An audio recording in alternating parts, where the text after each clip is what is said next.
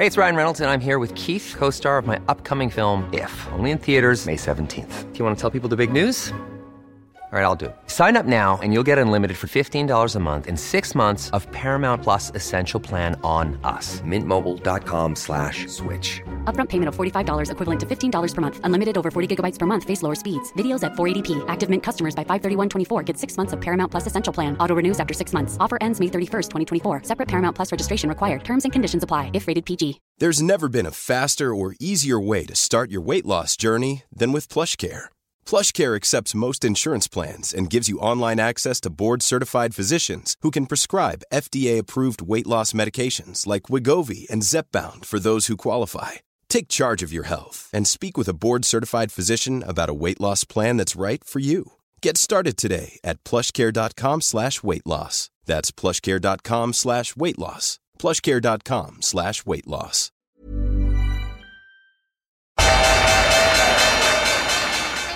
They mistook leverage for genius. Leverage for genius. I would recommend Japan. The governments don't rule the world. Goldman Sachs rules the world. Velkommen til en ny episode av podkasten 'Tid er penger', en podkast med Peter Warren. I dag er vi kommet til den uh, uh, numerologiske, signifikante tit episode nummer 111. Jeg vet ikke om det er signifikant, egentlig. Er det det? Du som liker å bryte inn med et eller annet fly eller noe? Ja, det er vel noe som heter F111, men eh, ellers så er det jo bare et tall som kunne dele med én, så jeg vet ikke. Ja, det er vel ikke så F111 Aardvark. OK. Uh, ja. Nei da, vi har uh, ikke så mye signifikans med nummeret, egentlig. Og, men da, vi har jo holdt på i, i uh, fire og et halvt år nå, så, mm. for å komme til 111. Og, ja, det, jeg burde ha sagt det forrige gang, at den, den, den på 110 det var, det var, nummeret på første båten jeg kjørte race med. Den hadde nummer 110. Ja, hva skjer det? Når du var 16, eller? Da, nei, da var jeg Ja, jeg var vel ja, 16-17. Jeg, jeg, ble 17 den sesongen, den første sesongen jeg kjørte. Ja. Um, nei, jeg tenkte For vi har jo um, uh, I forbindelse med Altså, podkasten har jo et sånn um, nyhetsbrev som går ut uh, etter hver episode, laga ofte med litt sånn research og sånne ting. Litt sånn forskjellige ting vi har snakka om, og bakgrunnen for mye. Uh, mens i dag tenkte jeg at kanskje i stedet for det, så bare se litt på året som har gått, og så har vi også dele noe så Jeg tror, jeg tror jeg aldri egentlig har delt den i sin helhet, men det starta med at du lagde en watchlist i Infront. Mm. Uh, der du begynte å holde styr på enkeltaksjer og enkeltindekser og sånn som du var interessert i. Og så tok jeg og kopierte den, og så begynte jeg å legge til noen. Så det her er vel litt lenger enn en dem du har, litt annerledes ting. Da tenkte jeg at uh, det kunne vært interessant å gå gjennom den basert på year to date-resultatene. Og så se litt på hvorfor de er lagt til i lista, for det er jo litt forskjellige årsaker. Og så, uh, og så starte episoden med bare litt sånn hvor vi er akkurat nå. Mm. For det er jo ganske Vet du hva som er årets beste performer? Uh, det, nei, jeg vet ikke hva som er den beste, men jeg vet jo at AMC er uh, I hvert fall den jeg har sett som har gjort, gjort, det best. Det er mulig at det er noe Det er kanskje en kryptovaluta, vil jeg tro. Ja, selvfølgelig. Altså, Hvis du har en kryptovaluta og starter på null, så vil det jo være liksom uendelig prosent, og det er jo en del av den. Uh, nei, altså Når det kommer til tradisjonelle verdipapirer, så står AMC ut altså Det er jo ikke så veldig rart å se at folk har blitt så fascinert av det her. Den er opp 2292 så langt i år. Ja. Men det interessante med den er jo at uh, den var jo en av dem som klarte å utnytte det her uh, opprinnelige spiken de hadde til å hente penger og redde businessen sin. Så de ja. manøvrerte jo det veldig bra. Veldig bra. Uh, jeg tror de skulle Jeg tror de Jeg mener at jeg så de skulle hente inn mer penger, men jeg skulle ikke utstede aksjer eller noe? Jo, de hadde hentet inn, men, men de, de, de, hentet inn fra én investor som istedenfor, sånn som det er i Norge f.eks. med Norwegian, hvor, eh, hvor, de som skyter inn penger, får en enorm rabatt, så betalte vedkommende en premie. Um, og det var jo ganske overraskende. Så, men aksjen gikk på det, da. Aksjen gikk opp, og det gikk ikke ned. Den gikk, gikk opp på, på, på, nyhetene om det. Så nyhetene om om en emisjon. Eh, så var det GameStop da som starta, eller i hvert fall for eh, på måte, verdens befolkning, starta hele det sirkuset med investor, eller drevet av unge investorer med helt andre med helt andre fokus enn eksisterende investorer. og Kanskje litt mindre tradisjonelt makroøkonomisk fokus og litt mindre analysefokus og mer jeg vet ikke, vitsefokus eller et eller annet sånt. Ja, men, altså, Selskapet fokus. GameStop er jo ikke så imponerende.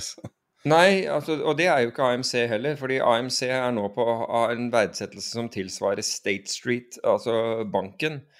Jeg mener at det er verdt rundt 30 sånn milliarder dollar, i hvert fall var den det før den korrigerte noe, noe til, uh, tilbake. Og State Street da tjener veldig bra med penger, og AMC taper penger. Så, men, men, poenget uh, er vel at det som er til felles for akkurat de to du nevnte, det var jo short-interessen i begge. Det at det var mange, mange shortselgere, og de som har kjørt, om du vil, uh, disse aksjene, har brukt det som, en, som, som deres indikator da, for, eh, for, for, for, sårbarhet. Og det er det jo til en viss grad også, eller til, en stor grad når det gjaldt uh, GameStop. Vi skal komme inn på den etterpå, men det har jo vært fellesnevneren til mange av disse, er at det har vært mye at, vært mange, at, at andelen shortselgere har vært høy i dem. Ja, og ikke minst det at folk er villige til å prise ting basert på fantasi eller en kunstig, perfekt virkelighet. Uh, at ting henger ikke sammen med dine planer, dine realistiske planer. For da ville jo altså GameStop ville aldri vært opp 1000% i år. Det ville kanskje vært pluss minus null, litt opp, litt ned. Uh, men det, det, var, denne uka ble det delt i mange forskjellige kanaler et sitat fra en som heter Scott McNeely, som var sjefen i, i Sun Microsystems i, um, mm. under .com, husker du han? Ja, jeg husker navnet. Uh, og det var jo et sensasjonelt selskap da, og det var vel en av verdens største um, selskaper på et tidspunkt. Um, og, og de hadde helt sånn crazy verdsettelse. Og så er det noen som delte det i chatten på tidapenger.no. Hvis du går på livechat der på menyen, så kommer de der. Og det var noen som delte det i chatten der. Så sa de eh, et sitat fra han som han hadde sagt uh, etter .com, da, som er en ganske bra oppsummering. At ten times revenue to give you ten year payback, I have to pay 100% of revenues for 10 straight years in dividends. That's, that assumes that I can get that by my shareholders. That assumes that I have zero cost of goods sold, which is very hard for a computer company. That assumes zero expenses, which is really hard with 39,000 employees. that assumes I have to pay no taxes, which is very hard and that assumes that you pay no taxes on your dividends, which is kind of illegal. And that assumes that zero R&D for the next 10 years. Tesla. I can maintain current run rate. Now, having done that, would any of you like to buy my stock at $64? How mm. do you re- uh, do you realize how ridiculous those basic assumptions are? You don't need any transparencies. You don't need any footnotes. What were you thinking? Mm. Ikke så dum eh, oppsummering av prisinga nå. Nei, det er ikke så dum oppsummering. Jeg skal komme litt inn på dette her når vi, når vi snakker om uh, den Goldman-konferansen i forrige uke. fordi det, uh, Paul Singer i Elliot Associates var, var, var, litt inne på det samme. Eh, videre på watchlisten. Tilray, den begynte jeg å lære til for noen måneder siden, litt sånn i påvente. For den har jo hatt sin tidligere rally. Den, de er vel en Mariana-produsent, tror jeg. Uh, og de hadde jo en sånn crazy spike, uh, skal vi se, februar Ja, det var i år, det var. Jeg trodde det var i fjor. Det, der det var opp 600% i februar i år. Så mm -hmm. tror jeg den har gjort det der en gang tidligere, at det var en av årsakene. Det var en sånn vanvittig marihuanaboom når de slo igjennom, ja. Så i 2018 var det lignende, så folk assosierte med det og, og uh, sendte aksjen tilbake, dog på et vesentlig lavere nivå, da men den er med på watchlisten. Ellers så har du Riot Blockchain, eh, opp 96% i år. Det har vært en sånn indikator på sånn superfrothy blockchain-relaterte selskaper. Og uh, det virker å være litt sånn uh, Canary in the coal mine-sak at, uh, at de kollapser først når det går feil. Men det som mm. utmerkes her, som, som, er ganske høyt opp på lista, da, for på samme lista så har jeg også amerikanske tiårige treasuries, altså yielden til treasuries, renta av USA effektivt sett må betale for å, forlåne låne penger. Eh, og den er opp, eh, altså selve renta er opp 59% i år. Ikke prosentpoeng, da, men 59 Mm. Uh, jeg måtte gå tilbake og sjekke. sjekke. Husker du hva gilden, altså renta, starta året på? Var vi ikke nede i 03 eller noe sånt nå? Jeg starta året på 09, jeg husker ikke det. Jeg, jeg følte følte ja, at vi starta ja, mye ja, høyere. Ja, altså 09 03 var vel i fjor sommer. Men, øhm, men øh, ja, var, var, det så var det virkelig så høyt i begynnelsen av året? Men altså, hvis du sier det, så, så stemmer Ah, det. Eh, ja, det, altså, jeg måtte gå tilbake og sjekke nå. Skal vi se. Ok. 31. 1. januar 091. Ok. Ehm, og det laveste det var i, i fjor sommer, var 0,53.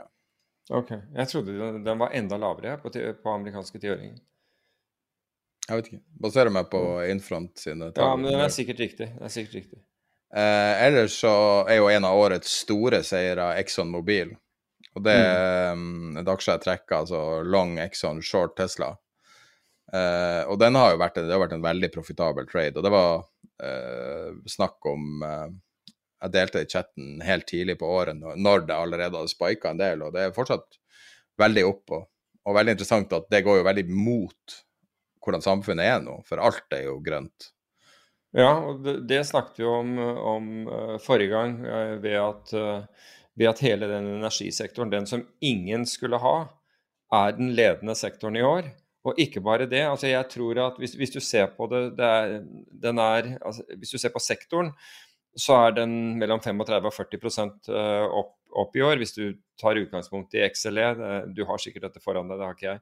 Um, mens, mens ren energi, og den har også en, en, en ETF, er ned 17% Og der kan du se hva som skjer når, når, når forventninger er for høye. Altså Forventninger til ren energi, ESG, og dette var, var liksom superhøyt. Alle skulle ha det, og det var så fornuftig å kjøpe det for, for investor, fordi dette vil jo være fremtiden. Vi, vi skal jo ned i, i miljøavtrykk, og vi skal ned i for forurensning, som for så vidt er det samme. Um, slik at det var veldig lett å selge investorene inn i dette, noe som gjorde at det flere investorer som gikk inn, inn i det, det mer måtte fondet kjøpe, det høyere ble verdsettelsen av disse selskapene helt til det de kom til nivåer. Og, og, mange snakket jo om dette, men ja, nivåene på, på fornybare energiselskaper og ESG generelt var altfor høy. Men, var, men, selvfølgelig, det fortsetter jo lenger enn en, en man skulle tro. Og så får du den korreksjonen. Og, og nå er jo da, som jeg, som jeg, nevnte, dette gapet voldsomt mellom, mellom uh, fossilt brennstoff, altså re representert gjennom oljeselskapene, altså kursutviklingen på oljeselskapene, og kursutviklingen uh, som da er opp uh, ja, si, da litt over 35 mens ren energi er ned 17 Uh, og, og, det forteller litt om, om, disse effektene i finansmarkedet. Mange oppfatter at ja, det er helt ulogisk at, at, det skal være slik. Ja, men det er ikke det når du, når du undertrykker eh, verdien av f.eks. Eh, selskapene som driver med fossilt brennstoff altså når, når prisingen av disse blir så lav, så vil penger flyter til den sektoren. Da vil noen oppdage og si at her får vi god inntjening. Dette her, dette er verdt å satse på. Det er lav risiko å satse på dette. Og på den andre siden så er det høy risiko å satse på der hvor forventningene allerede er, er tatt ut. Og du var inne på, jeg tror det var Tilray som du mente var eh, marihuanaprodusent. Jeg husker når, når man begynte, altså når de første selskapene ble børsnotert som da drev med medisinsk marihuana, og man, man så for seg en, en, legalisering, hvilket man også har fått i veldig mange av amerikanske stater når det gjelder, når det gjelder bruk av marihuana, ikke bare til medisinske formål, men, du, men man, kan, man, kan, røyke det. altså man, Det er ikke store partier man, man, snakker om, men man kan få kjøpt det slik at man kan bruke det på samme måten som man røyker eh, tobakk eller, eh, eller, drikker alkohol. Men forventningene da ble, altså da ble jo disse selskapene til å begynne med priset skyhøyt.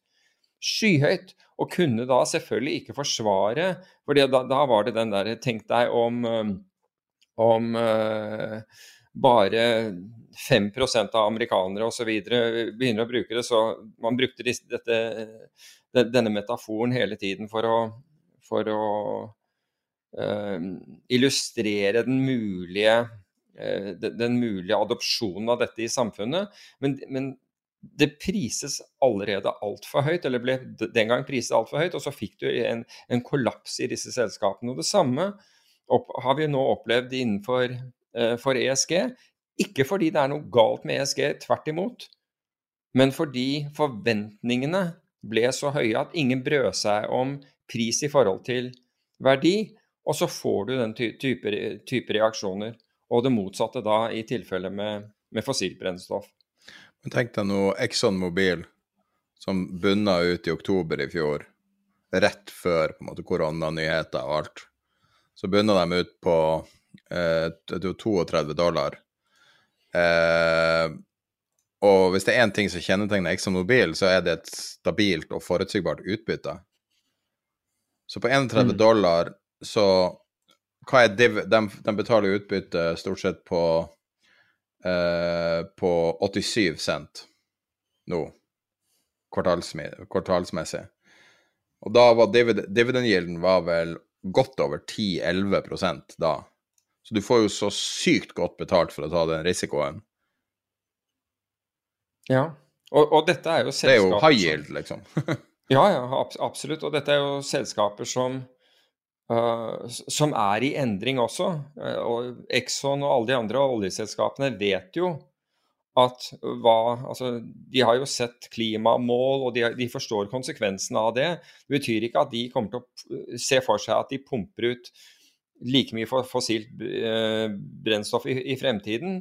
Det man Altså, det, de, det gjør de i dag, men ledelsen i disse selskapene, aksjonærene i disse selskapene, er for endringer, innser at det kommer endringer, og de vil da forsøke å vri selskapene sine i, i den retningen. Men vi Isteden så stempler man det olje, feil, fossilt brennstoff, det, skal, nei, det kan man ikke ha i, i porteføljen.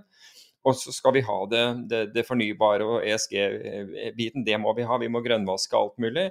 Og da får du disse ubalansene som vi Altså det, jeg syns vi ser det nå oftere enn vi har gjort tidligere.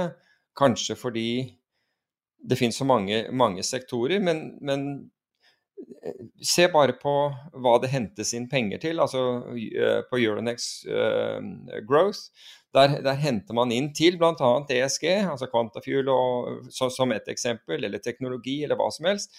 Mens, mens, for bare noen år siden så ble det hentet inn til, til, til Norsk oljeservice og, uh, og, alt som hadde med den industrien å gjøre. Det er, det er nærmest tørket ut. Og hvis vi ser på, Nå, nå ble det jo nevnt altså, sånn som riggselskapene. Altså, en annen avis nevnte at uh, Aspetalen hadde gjort en kule i, uh, i Noble, altså dette amerikanske uh, drillingselskapet. Mens det vi har sett i Norge, er jo at vi, vi, eh, og DN spesielt har omtalt uh, Trøims selskap, altså Boyd Drilling. Det, det, har bare vært negativt om selskapet ville ikke klare, ikke å, ville ikke klare å betjene, ha høy gjeld, ville ikke klare å betjene den, ville ikke klare å få inn penger. Han har klart å få inn penger til, til, til selskapet et antall emisjoner. De har betalt, i motsetning til Norwegian, som da ikke, betal, som, som, som ikke bryr seg om gjeldsinvesteringer. Altså, å ha obligasjoner i, i Norwegian er jo, er, jo, er jo, på en måte Det er døden. Altså, du, det er nesten bedre å ha aksjer, fordi de har ikke tenkt å gjøre opp for seg. Det, det er helt klart. De, de, de, skal, de gjør ikke opp for seg. Mens, mens Trøim han har gjort opp for seg. Han, han, har betalt ut renter. Det er mulig at de må forlenge lån, men han har betalt renter. Har ikke hatt den hjelpen. Ikke noen statlige midler som har sust inn for, for, for å hjelpe han. Men han får ingen credit for det.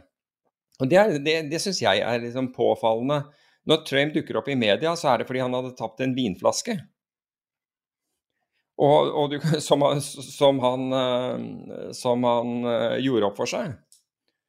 Det, da, var han liksom, da, var han stor i media, da, da, da ble det mye snakket om, om han, og i, i, positive vendinger.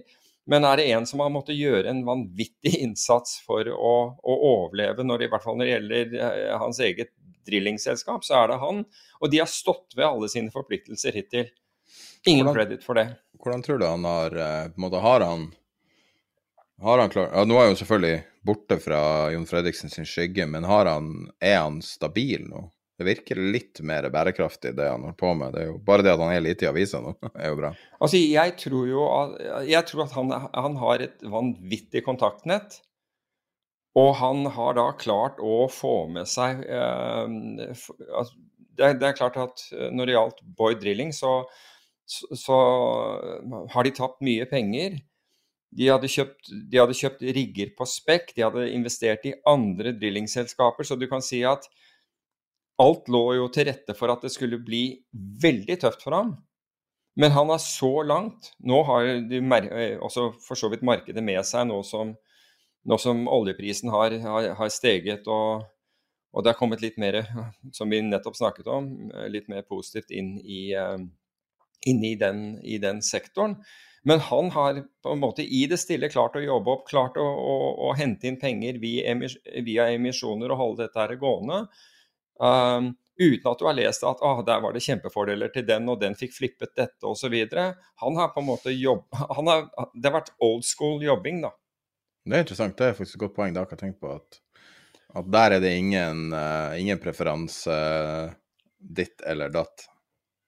Nei, du sånn- hører ikke, du hører jo ikke om at eh, nei, nettopp eh, sånn som, sånn som f.eks. Norwegian. Og I Norwegian så honorerer man altså, det er, altså Man kan snakke mye om det og kan komme inn på, inn på det, fordi eh, det er, det er, forvaltere har jo også nevnt måten det, man har holdt på der, og, og syns at det er Altså, jeg, jeg skjønner hvorfor du får de, desentralisert finans, fordi, fordi, det er, det, fordi det er en så liten demokrat, demokratisk prosess hvor man isteden Altså tidligere så smurte meglerforetakene kundene sine gjennom å ta dem med på, på, på, på luksusturer rundt omkring i verden. Om det var skiturer til, til Alpene eller hva det var. Det var masse sånne luksusturer. Det ble jo slutt på etter, etter uh, at Finanstilsynet uh, satte stopper for dette her, og at man måtte, måtte betale skatt for det og, og, og den biten. Uh, men det du ser nå, er at istedenfor at man gjør det på den måten, så gir man, gir man store fordeler til, til, til, til gode kunder. Og det, Jeg tror det var en på vår egen Discord-kanal som nevnte skal jeg, Nå skal jeg ikke nevne hvilket, uh, hvilket meglerforetak det var, men han hadde da fått en telefon fra Han hadde prøvd å komme med på massevis av emisjoner og blitt turned down hver gang. Hadde ikke fått noe. Og så ringer de. Uh, ringer meglerselskapet og sier han kan få være med, være, med på, på, på en emisjon. Og da sier han vet du hva, hvis jeg får være med på denne emisjonen her, så betyr det at dere ikke får med noen andre. Dette her har jeg ikke noe tro på. Nei takk. Den emisjonen ble kansellert. Den var så dårlig at ingen ble med på den. Altså, det var ingen av de, de, disse her som ble, ble, med på det. Og du, du kan si at er det et, er det et finansmarked som, som, fungerer? Fungerer det virkelig bra når, når, det er på den måten der? At noen får ekstreme fordeler i, i, i forhold til andre. Og hvis du da til slutt får muligheten, så er det rett og slett noe som antageligvis aldri skulle, skulle hatt penger. Hmm. For i dette tilfellet fikk de ikke noe penger. Nei, det var jo, det her er jo en sjeldne gang man kan bruke Groucho Marx for å investere. Ja. I refuse to join any club that wants me as a member. det, ja, nettopp. Ja, nettopp. Det er imponerende av det så, vedkommende det. Altså, du kan si at uh, at Karl Oskar Strøm skrev jo om dette i, i, Og han var vel ute i media i tillegg, i, men det, det, var kanskje hentet fra, fra månedsrapporten til Paleo. Hvor, hvor han mener, og, og, du kan si at Jeg syns det er veldig bra at aktører tar bladet fra, fra, munnen, for det har vært veldig lite av det. Påpeker den måten dette gjøres på, at dette, her, dette er jo ikke bærekraftig over tid. At du gir noen billige aksjer som flipper det. Altså, du får ikke langsiktige investorer ved, ved å gjøre det. Du, det, er, det er, altså, Norwegian for meg er blitt en memestokk. Det er altså det, Ja, det, det er det. Altså, der så, har du der, Når du skriver overskriften tidlig, trenger ikke å tenke på det. Der har vi tittelen, altså. Ja, men jeg hadde ikke tenkt på det som en overskrift. Men, men, se, men det er blitt litt det, fordi du, du, du betaler ikke gjelden, du, du, du sabler ned den.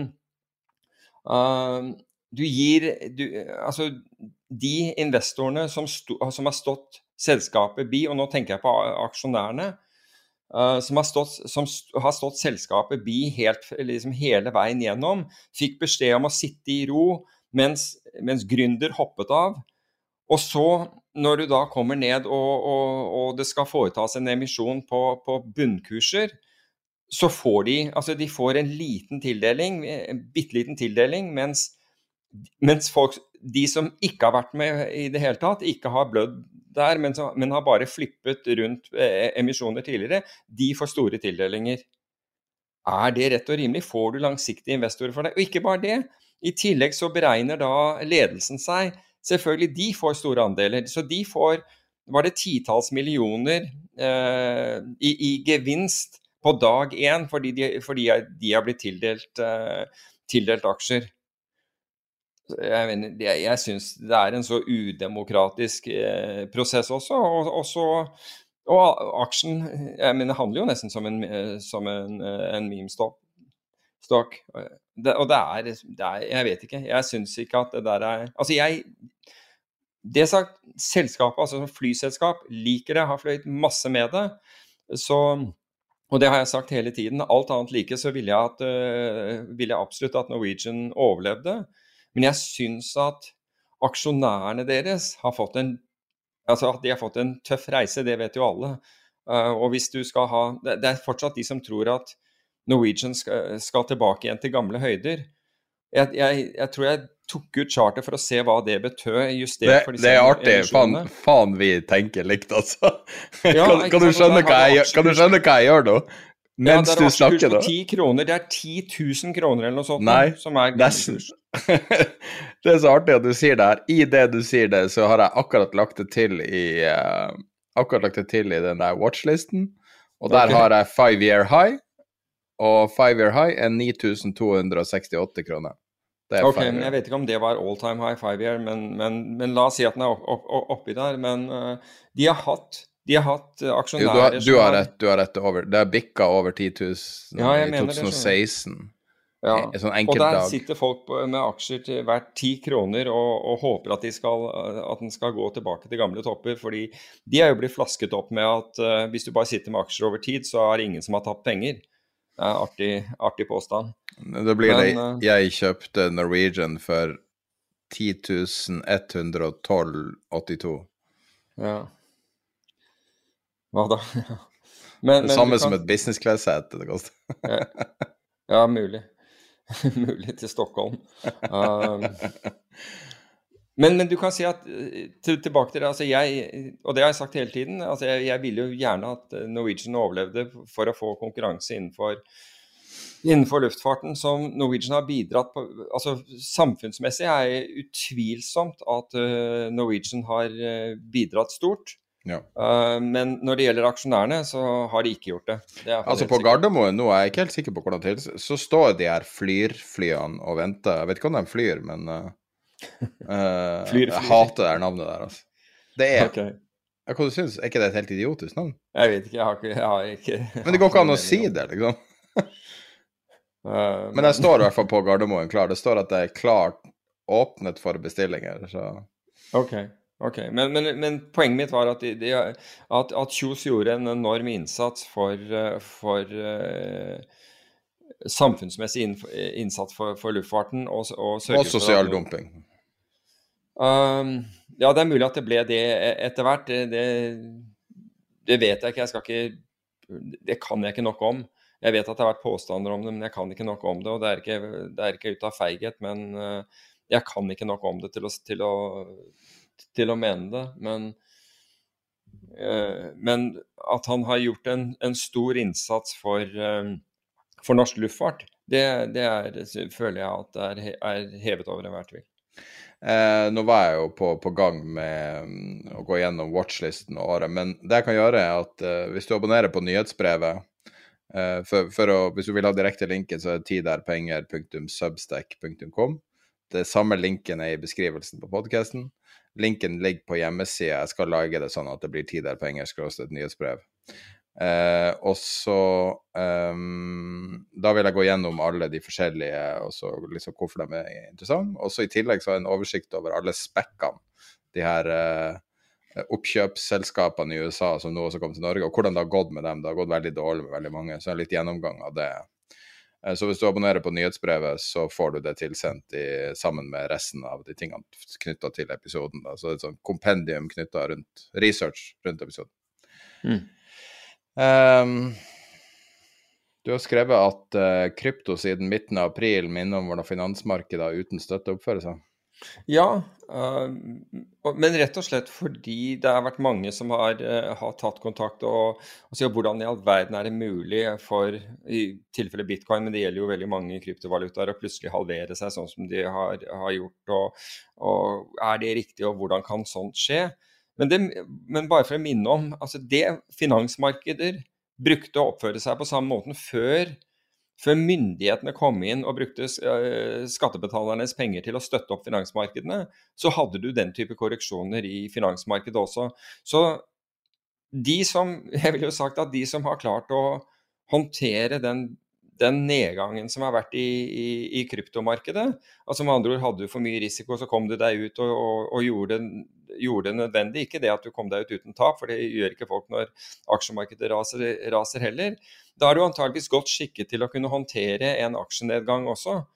Uh, men den store, og, og dette var Paul Singer inne på, altså den store universelle uh, løgnen i øyeblikket, det er at men, men overbevis, samtidig overbevisningen det er at myndighetene vil alltid, vil, vil alltid forhindre aksje, aksjemarkedene for å, for å, falle. Og Det er den store den fallacyen som er i øyeblikket, den oppfatningen av at dette her vil Sånn vil det være. For, for mange investerer med, den, med det synet og den tanken og, og, og, og den i anførselstegn tryggheten på at det er egentlig det er ikke noe fare, bare se. De kommer inn, og så De vil aldri la markedet falle, det kan de ikke gjøre. Men på et eller annet tidspunkt, han er overbevist, og det var veldig mange andre på den Goldman-konferansen, på et eller annet tidspunkt så blir vekten av, av, penger der ute for tung, og prisingene blir for gal til at, at, at du klarer å holde igjen. Uten at, uten at, noen av dem sa at det tror vi skjer i morgen, eller, eller noe slikt noe. Men det er greit å, å, ha i bakhodet. Men, så jeg vil jo si at, at det, det, vi har sett i krypto, uh, er egentlig er, er, old school finans. Det var sånn, sånn det var. Da, da, kunne det, altså sånn som de gjorde i 98, Oslo Børs falt over 40% på halvannen måned eller et eller annet sånt. Um, da, da, kunne du ha den type bevegelser. Og enten så, så var du i stand til å håndtere den risikoen, Ellers så, ellers ellers, ellers så var du ute av, av, av gamet. Eh, og, og 98 var, var, det jo mye belånte penger i markedet, ingenting i nærheten av det vi er nå.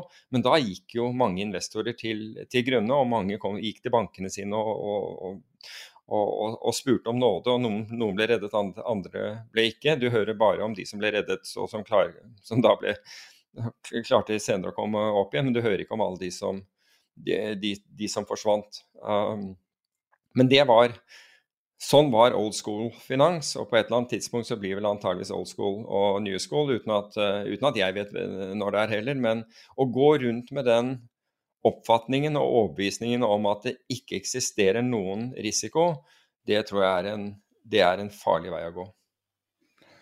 Ja, men det har vært, det har vært i den situasjonen lenge, da. Ja, det har vært i den situasjonen fordi man har pøst inn og pøst inn og pøst inn stadig mer, og fortsetter å gjøre det. 120 milliarder dollar i måneden bare i USA eh, som, som, som pøses inn, så Men fram til nå, da. Nå er det jo ganske sterke krefter. Eh, spesielt som da varsel om inflasjon. Jeg leste en, et blogginnlegg fra Hvite hus tidligere i år mm. som er skrevet Altså, det her er front of mind for folkene som sitter og tar de store beslutningene. Spesielt dem som er litt eldre, som har levd gjennom heftige inflasjonsperioder før. Det Alle vet hva det betyr, liksom. Det er bare destruksjon av verdi. Ja, bortsett fra at man har funnet på dette uttrykket som da Og dette ble også mye omtalt i, i forrige uke, dette uttrykket 'transitory', som da betyr at dette er forbigående. Hvordan, vet, hvordan, vet, hvordan kommer de frem til den ideen? Nei, de, det spiller ingen rolle. Det er bare at du klarer å få det ut. og du klarer å få, altså Dette er jo en marketingsak mer enn noe annet. Du klarer da å overbevise om at, at dette er transitory, altså dette vil være forbigående. Det er et catchy uttrykk, og så hører du det gjentatt av alle. Veldig sånn Og det, det gjør jo bl.a. at når du får 5 når, når, når, eh, når eh, inflasjonstall kommer fra USA viser da en inflasjon på 5% umiddelbart så stuper eh, statsobligasjoner, for så å komme opp igjen. Det er ikke noe logikk i det. altså Hvis, hvis inflasjonen er på vei opp, og, og den er 5% og det er noe fare, så skal jo egentlig obligasjonskurset falle fordi renten, renten skal stige. Men så kjører man igjen dette, det er bare transitory, det, det går bra. Og, og, vi, og Det er jo én ting du, du stadig de ser fra Det hvite hus, de tør jo ikke, de, de tør knapt å uttale seg. altså Det der å, å hinte om at man skal trekke tilbake pengestøtten til markedene, det skaper umiddelbar eh, effekt i, negativ effekt i markedene. Så, så det sånn der, det skal man ikke gjøre. Det, man vokter seg enormt for å si at vi må redusere stimulien til, eh, til finansmarkedene. Jeg lurer på hva som er mekanismene bak det, for hva er det de er redd egentlig? Fordi at sånn, altså ofte så folk er sånn politiske, de bruker ofte å være bekymra for stillinga og miste jobben, liksom. Ja, og det tror jeg de er her også. Du har ikke lyst til at dette skal skje på din, egen, på din vakt. Ja. Så det er Altså bare Hvis det første som skjer når gjelden, eh, når, gjelden blir, blir, blir tilsatt, er at hun sier noe som sender finansmarkedet ned, så, gir, så får hun skylden. Ikke, det at, eh, ikke de som har sprøytet inn penger og skapt situasjonen på forhånd. Det er hun som vil bli kjent for det. Og de er livredde for, for den effekten. Livredde for den effekten og å bli sittende igjen. Og, og sånn har det vært eh, etter finanskrisen og, og den europeiske gjeldskrisen. Ingen hadde lyst til å ta skylden, så man skjøv, altså, skjøv da problemet foran seg hele tiden. Og det var opp, opplest og vedtatt på det tidspunktet. Det var ingen som var i tvil om det. Men det, det passer ikke vår virkelighet å, å, å, ta hensyn til det og tenke over det. Så nå er, det, nå er dette blitt normalen. Nå, liksom, nå, nå, skal det være sånn. Vi skal bruke skattebetalernes penger for å, for å øke velstandsgapet i, i fordel rike. Det høres jo helt altså hvis, du, hvis, noen sa det på Gikk opp på Stortingets talerstol og nå, jeg, nå gjør jo ikke Norge det. Norge uh, stimulerer riktignok markedene, men, men de, ikke, de, de, driver ikke kvantitative lettelser. Ja, fordi man men, ikke trenger det. Altså, det hadde jo gjort det hvis man trengte riktig, det. For det holder, det holder, med å gjøre det i de, de store landene det gjelder, altså USA, Kina, uh, innenfor EU, Storbritannia, Australia, Sveits, Sverige, alle disse her. Uh, som, som, holder på med det, og, og så får Norge, Norge får effekten av det. Så Norge slipper egentlig veldig billig unna hele greia, fordi de slipper å, å, å del, delta i det. Men det er jo inntil videre, da. altså DN hadde ei interessant overskrift i dag. Der overskrift, Du trenger på en måte ikke å lese saken. At det er ei dame som er intervjua, som er 27, som er én av 76 000 nye boligeiere som aldri har opplevd renteheving. Ja, den så jeg. Den så jeg. Jeg får nesten litt frysning av å høre det. Ja, altså, det, det, altså Men vi, vi, ønsker ikke den virkeligheten, så vi ser bort fra den virkeligheten. Men poenget mitt var at hadde noen gått opp på, på, på talerstolen, å være seg i Stortinget eller i uh, eller, eller, et annet sted, altså under, under uh, altså overfor for sin regjering, og sagt at Vet du hva? Er, la oss fortsette å bruke skattebetalernes penger for å øke velstandsgapet til fordel for de rike. Så hadde jo ingen stemt for det. Eller noen hadde gjort det. Noen hadde riktignok gjort det, men få hadde stemt for det. Men det er jo det man har drevet med. Og det er det man fortsetter å gjøre. Man bare bruker andre ord, man kaller andre ting.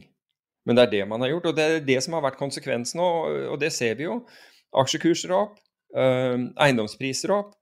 De som spekuler, har, har, spekulert i det, og, og kredittilgangen er, er, enorm, slik at ønsker å spekulere i det, så får du lånt penger til det, det er ikke noe, noe problem, og du låner veldig billige penger. Og Effekten av det er at hvis du da er uheldig og ikke har, ikke har nok til egenkapital, og ikke har en bankforbindelse som, som, som vil låne deg dette fordi, eh, fordi du er helt eh, normal eh, normal arbeider med, med, med vanlig lønn osv., så, videre, så får du ikke deltatt i dette. Det blir for noen få, og de blir styrtrike på det. Og så kan du si at er det, er det virkelig en samfunnsoppgave? Burde det være sånn? Nei, det burde selvfølgelig ikke være det. Så sier man da setter vi opp renten. Ja, men da setter vi opp renten. Det rammer alle, det. Rammer også bedrifter som, som, som sliter etter covid og andre ting. Det, det, vil, det, det er egentlig ikke løsningen uh, på dette, selv, selv, om det er naturlig at man hever renten i takt med, for, for, å bekjempe inflasjon. Det er selvfølgelig helt naturlig.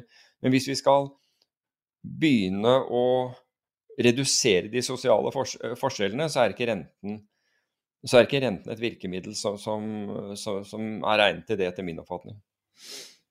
Det er jo lite Boligmarkedet i Norge er jo enormt, altså i kroner og øre. Men det som slår meg, er at det er litt sånn usofistikert, og det er relativt uendra så, altså så langt tilbake man vil gå. Noen ting har blitt litt bedre, og du signerer på iPad og sånne ting, men stort sett så er markedet ikke så sofistikert. Jeg lurer på hvordan det vil håndtere en la oss si en 40% nedgang, som fortsatt vil være veldig høyt i forhold til lønnsprisveksten.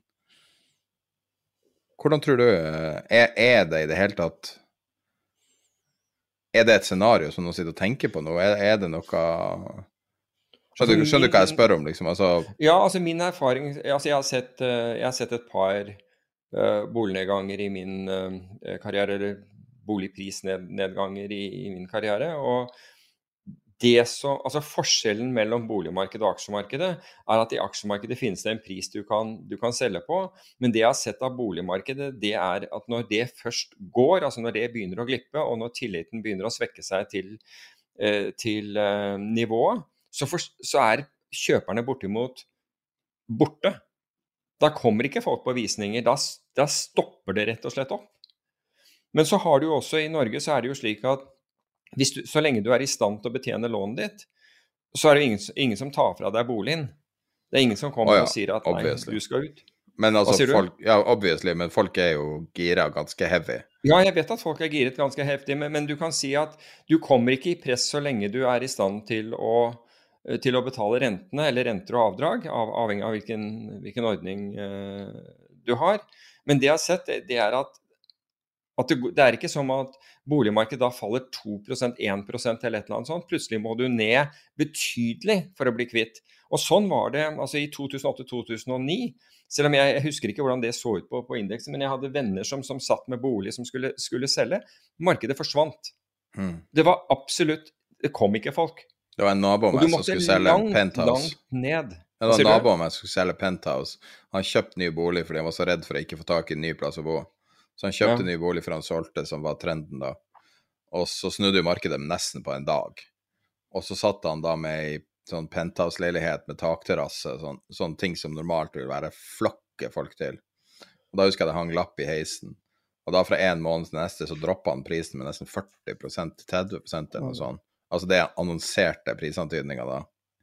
Eh, og eh, eh, han kom seg vel ut sånn noenlunde, men altså, jeg vedder på at han bærer deler av det der fortsatt. Et, altså, det er jo det er jo tolv år siden, og var jo sikkert ganske bemidla, men det var det gikk veldig fort feil vei. Selv om indeksen, hvis du ser tilbake nå, og du ser finanskrisa på en mm. eh, altså ikke-logaritmisk indeks, så vil det jo være nesten ikke mulig å se når det skjedde. Nettopp. Men, Men, det var dramatisk for de som var tvunget. fordi I ditt tilfelle, så, eller det tilfellet du nevner, så hadde sikkert vedkommende da lån på begge. Ja, ja, og da blir det dramatisk.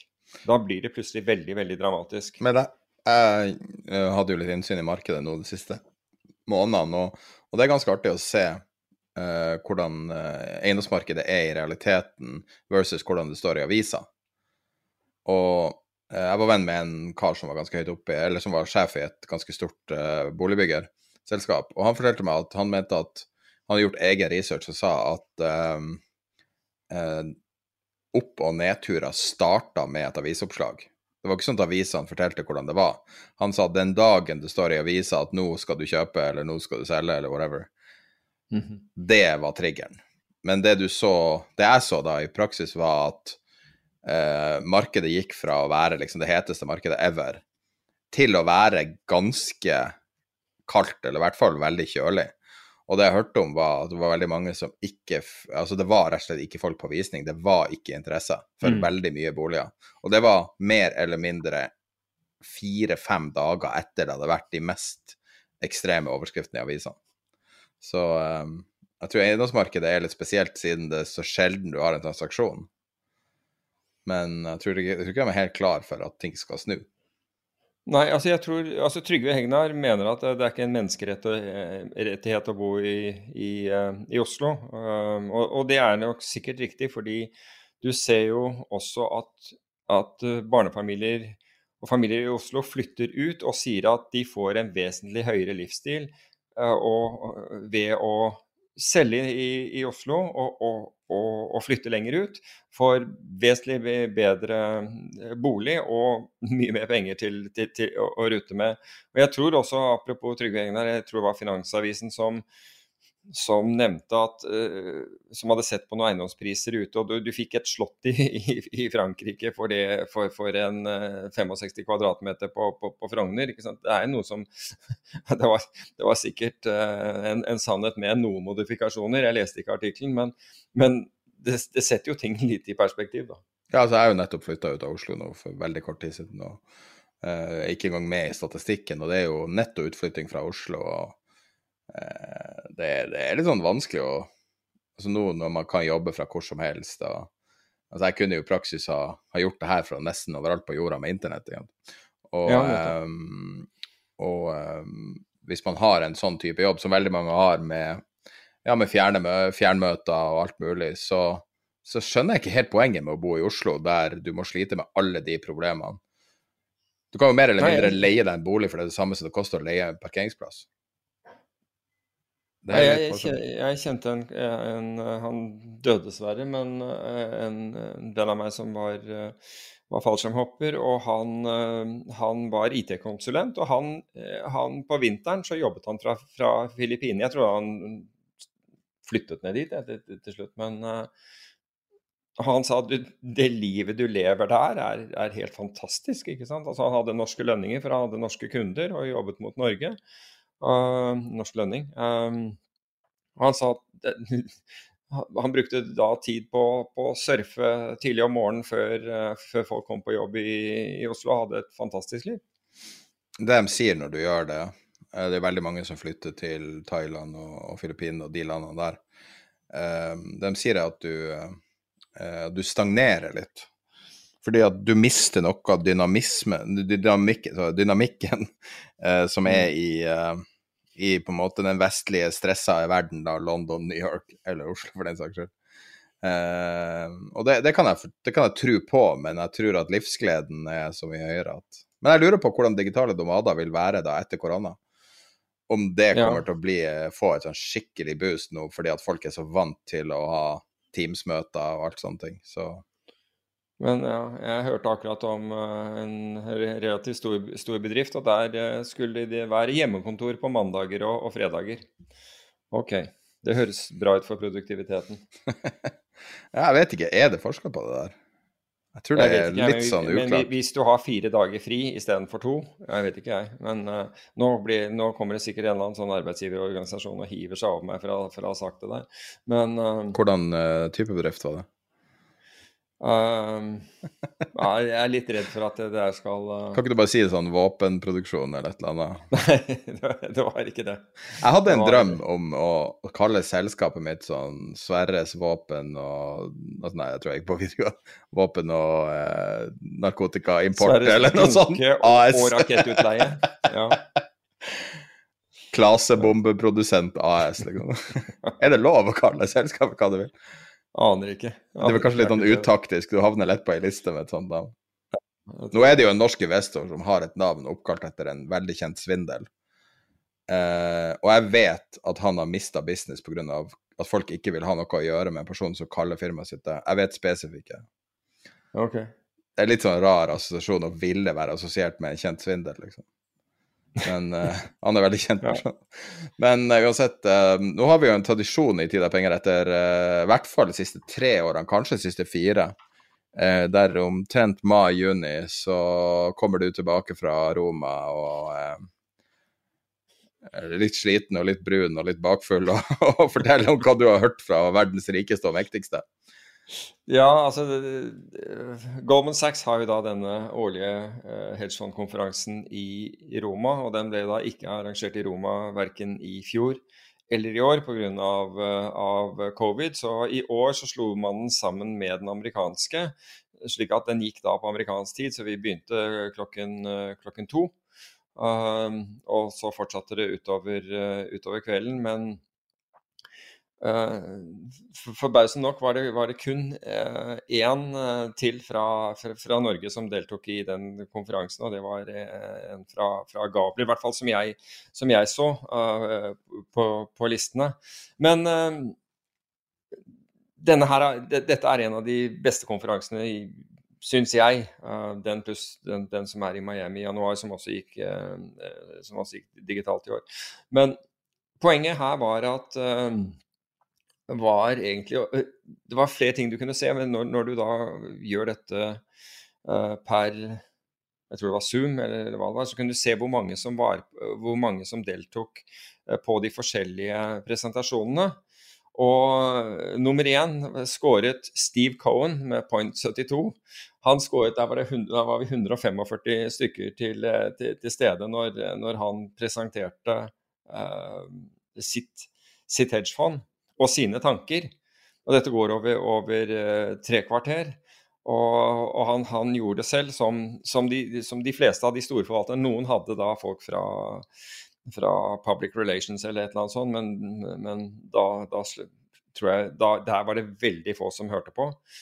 Mens eh, når det var de prinsipale forvalterne, så, eh, så, var det større oppslutning.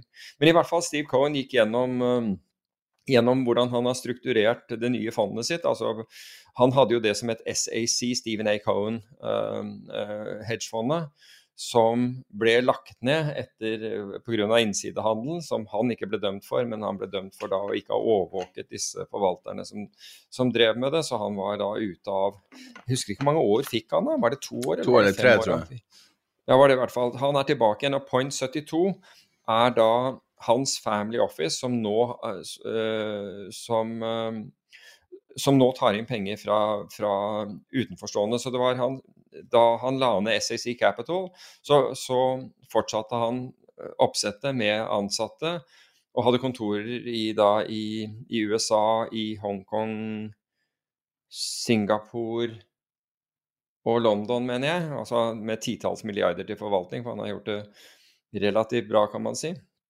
Nå, så han fortalte hvordan det var strukturert. og og 70 av, av fondet er da long short equity. Um, og, og, der hvor man tar sikte på 8-12% han, han hadde jo høyere avkastning tidligere, men det henger kanskje sammen med den, den lavere renten. 20, 20 eh, er Unnskyld, 10 er, um, er global, uh, global macro. Og han sa at den øker. Og Eh, og 20% eller de gjenstående, hvis, hvis 10% har økt, så vil en av disse andre gå ned, er kvant. Og innenfor kvant så Han overtok jo et av disse uh, Det var vel Quantopian han, han, overtok? Eller om han overtok eller Han hadde i hvert fall Quantopian, var ikke det eh, Robin Hood? Uh, ja, det er mulig, fordi i hvert fall Steve Cohen hadde interesser i det. Men han har i hvert fall fortsatt, fortsatt den, denne quant-biten hvor, hvor han um, hvor hvis du er Hvis du har en modell Den quant-biten den, den, består ikke av vanlige forvaltere. Han har redusert antall forvaltere og tar heller inn folks modeller. Så hvis du har en modell som, som du har testet og, og, og, mener tjener penger, så kan man gå til type han, og, nå, og det, det, er flere. Du har, eh, du har uh, point 72, WorldQuant, som vi tidligere har snakket om, som driver med det samme. Uh, nå har Winton meldt seg, meldt seg, på her, og jeg skal det, snakke litt mer om dem e, etterpå. Men poenget er at de har da tusenvis av modeller som de anvender. altså De tester modellene dine for å se om, om du tjener penger. Hvis det er bare retningen på, på, aksjemarkedet, så er de ikke interessert i modellen i det hele tatt. Det må være mye smartere enn det, så de betaler ikke for beta. Men hvis eh, modellen tjener penger, så får du en andel av gevinstene. Så de allokerer kapital til modellen avhengig av modellen din, om du vil. Uh, avhengig av hvor, hvor bra de mener denne modellen er. Og du vil da få en andel av, eh, av gevinsten. Og han sa at de øker da også på, på denne siden, for de har god, god, erfaring med det. Det er jo mye, som, det er mye jobb for å, for å kvalitetssikre disse, disse, modellene, men det er da en del av, eh, av, av, det han gjør. Han sa også for øvrig at uh, han syns at uh, 2020 hadde vært et enkelt år. Det var bare én ting å gjøre, og det var bare å follow the Fed. Og hvis du gjorde det, så tjente du penger i, i, i 2020. Mens 2021 er, er, et mye vanskeligere år, hvor du da bl.a. Har, har disse meme stocks, altså som da vi vet at en av hans tidligere forvaltere, med Melvin Capital, hadde et voldsomt tap i, eh, i, i, i GameStop. Men har, det, er, det, er, et mye vanskeligere marked. Du har, du har den biten. Um, du har alle de tingene som har, har skjedd med eh, vekst og verdi, altså endringer i, i vekst og verdi, har, har, gitt, eh, har, gitt, utfordringer. Inflasjon, hvordan du skal håndtere det, har gitt utfordringer. Slik at han sier at året i år er mye mer krevende. Sa ikke noe om, de, de får ikke lov å si noe om, uh, om avkastningen sin på det, men jeg har, har, ikke hørt noe annet enn at, at de har positiv avkastning. Point, men han sa point 72? Ja, point 72. Men at, de har, at det er et mer krevende, eh, krevende år. Eh, og uten at noen spurte, så sa han at han har stor tro på at uh, the blockchain vil disrupte spesielt fintech. Så, og han har da puttet 250 millioner dollar av sine egne penger inn i, i uh, i, med å ekspandere innenfor fintech, AI, ML, blockchain, den type ting.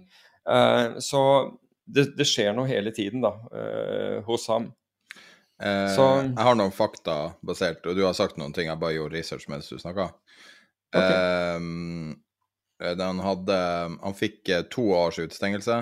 1,8 milliarder dollar i bot. Den lengste straffen en av de ansatte fikk, var åtte års fengsel. Så det er jo ganske mm. heavy til å være finansist. Det var vel han Matoma, det, antakeligvis. Ja. Og eh, i fjor hadde, var Point 72 opp 16 Personlig tjente Stevie Cohen 1,4 eh, milliarder i fjor. Eh, og så, hvis du husker, så var det jo faktisk snakka om eh, Starten på året var jo offentlig. De tapte sånn 10-15% på noen få dager i starten av januar rundt det her memestop-greiene og, eh, memestop-greiene. og eh, det at han hadde posisjon i uh, bl.a. Melvin Capital. Akkurat. Og ikke bare det, men han tilførte faktisk uh, uh, Gay Plotkin, altså Melvin Capital, uh, jeg tror det var 2,75 milliarder dollar etter at, etter at, han tapte Etter at han hadde tapt 53% av fondet på, på GameStop. Da var det han og en annen som, som, tilførte Jeg husker ikke hvem den andre var i farten. Men det var en kjent størrelse, det også, som, som tilførte Melvin Jo, den andre var Ken Griffin, altså Citadel. Som, som, tilførte penger. Men han sa at Så det var noen som spurte han da ja, hvordan, hvordan håndterer du boken nå, altså med disse utfordringene som du, som du nå har vært igjennom, og, eller som, som, du nå har snakket om. Og da sa han vi gjør inntil vi ser en, en, en klar endring her, altså en klar trend om du vil, eller en klar retning, så, så driver vi kortsiktig, eh, kortsiktig handel. Vi, eh, vi, forsøker å være, eh, overleve dag for dag, altså tjene penger dag for dag. Men vi, vi gjør det med kortsiktig i trading, og vi har ikke store convictions inntil vi ser en klar, klar retning på, eh, på markedet. Og han, det, altså jeg, jeg, hilste på han veld, for veldig veldig mange år siden, bare sånn uh, i, i, forbifarten. Men dette er første gang jeg har hørt han, hørt han snakke, og han er, han er, veltalende, det må jeg si. Syns du han fremstår som imponerende? Hva sier du? Fremstår han som imponerende? Han har jo et vanvittig rykte. Ja, altså han, han ja, imponerende for så vidt, og, og litt ja, mildere enn du forventer, i hvert fall. Altså, hvis noen vil høre denne, eller lese eller høre historien om, uh, om Steve Cohen og, og, det som skjedde med SAC Capital, så, så, vi har snakket om det tidligere, så er det en bok som heter Black Edge, som befinner seg på, på, på Audible. Uh, Black Edge, som, som, forklarer denne og forklarer de forskjellige uh, Og snakker også om de forskjellige aktørene, altså de forskjellige forvalterne han hadde, deriblant Gabe Plotkin, som, eh, som, da ble plutselig superkjendis i år med, med, å, med å, tape voldsomt uh, mot, mot shortselgeren i, i, um, i, GameStop. Det er jo veldig artig Men, når du nevner Melvin Capital som Du kan jo si at, um, at Stevie Cohen nå driver nesten sånn slags fund of funds. Uh, han eier jo mye forskjellige andeler. Og alt du beskriver nå, er jo å investere i andre sine sine algoritmer, eller Altså, han har putta ja, altså, penger i Contopien i mange år. Ja, 20 av virksomheten er i det, men, men, jeg tror at han som Paul Singer alltid forsøker å, å fornye seg og, og se etter nye, nye, muligheter. Og som også Paul Singer er, er inne på, det, er forvaltere Altså de Paul Singer sier i Ja, du had, var det på Goldman? Ja. Uh, Paul Singer sa at uh, alfa har altså den merverdien som man klarer å hente ut av aksjer, altså risikojustert, da. altså ikke det at folk tar syk risiko, men den merverdien, altså alfaen, har da falt de siste 20 årene. Noe som gjør at skal du ha gode forvaltere i dag, så koster de veldig mye penger. Og Det samme har, har garantert Steve Cohen uh, lagt merke til, og, og følgende av det er at det er billigere Altså, det er rett og slett økonom, mer økonomisk lønnsomt å få å, å ta tradingsignaler, altså eller betale for tradingsignaler fra andre, for da, da, får du tilgang til et voldsomt antall modeller som du da kan teste og sette opp imot det du driver med, og hva du gjør og må, måten du tenker på. Og så velger man fra det, og så sier man OK, du får en sånn og sånn cut. Vi, vi putter 300 millioner dollar på, på, på din modell vi allokerer 300 millioner dollar til din modell. Og, og, altså, du som eier modellen, du gjør ingenting. Du, slipper, altså, du, du sitter ikke hos, uh, hos, Point 72 eller hos, uh, i, i, disse fondene. Du rett og slett bare overfører modellen slik at de kan benytte den.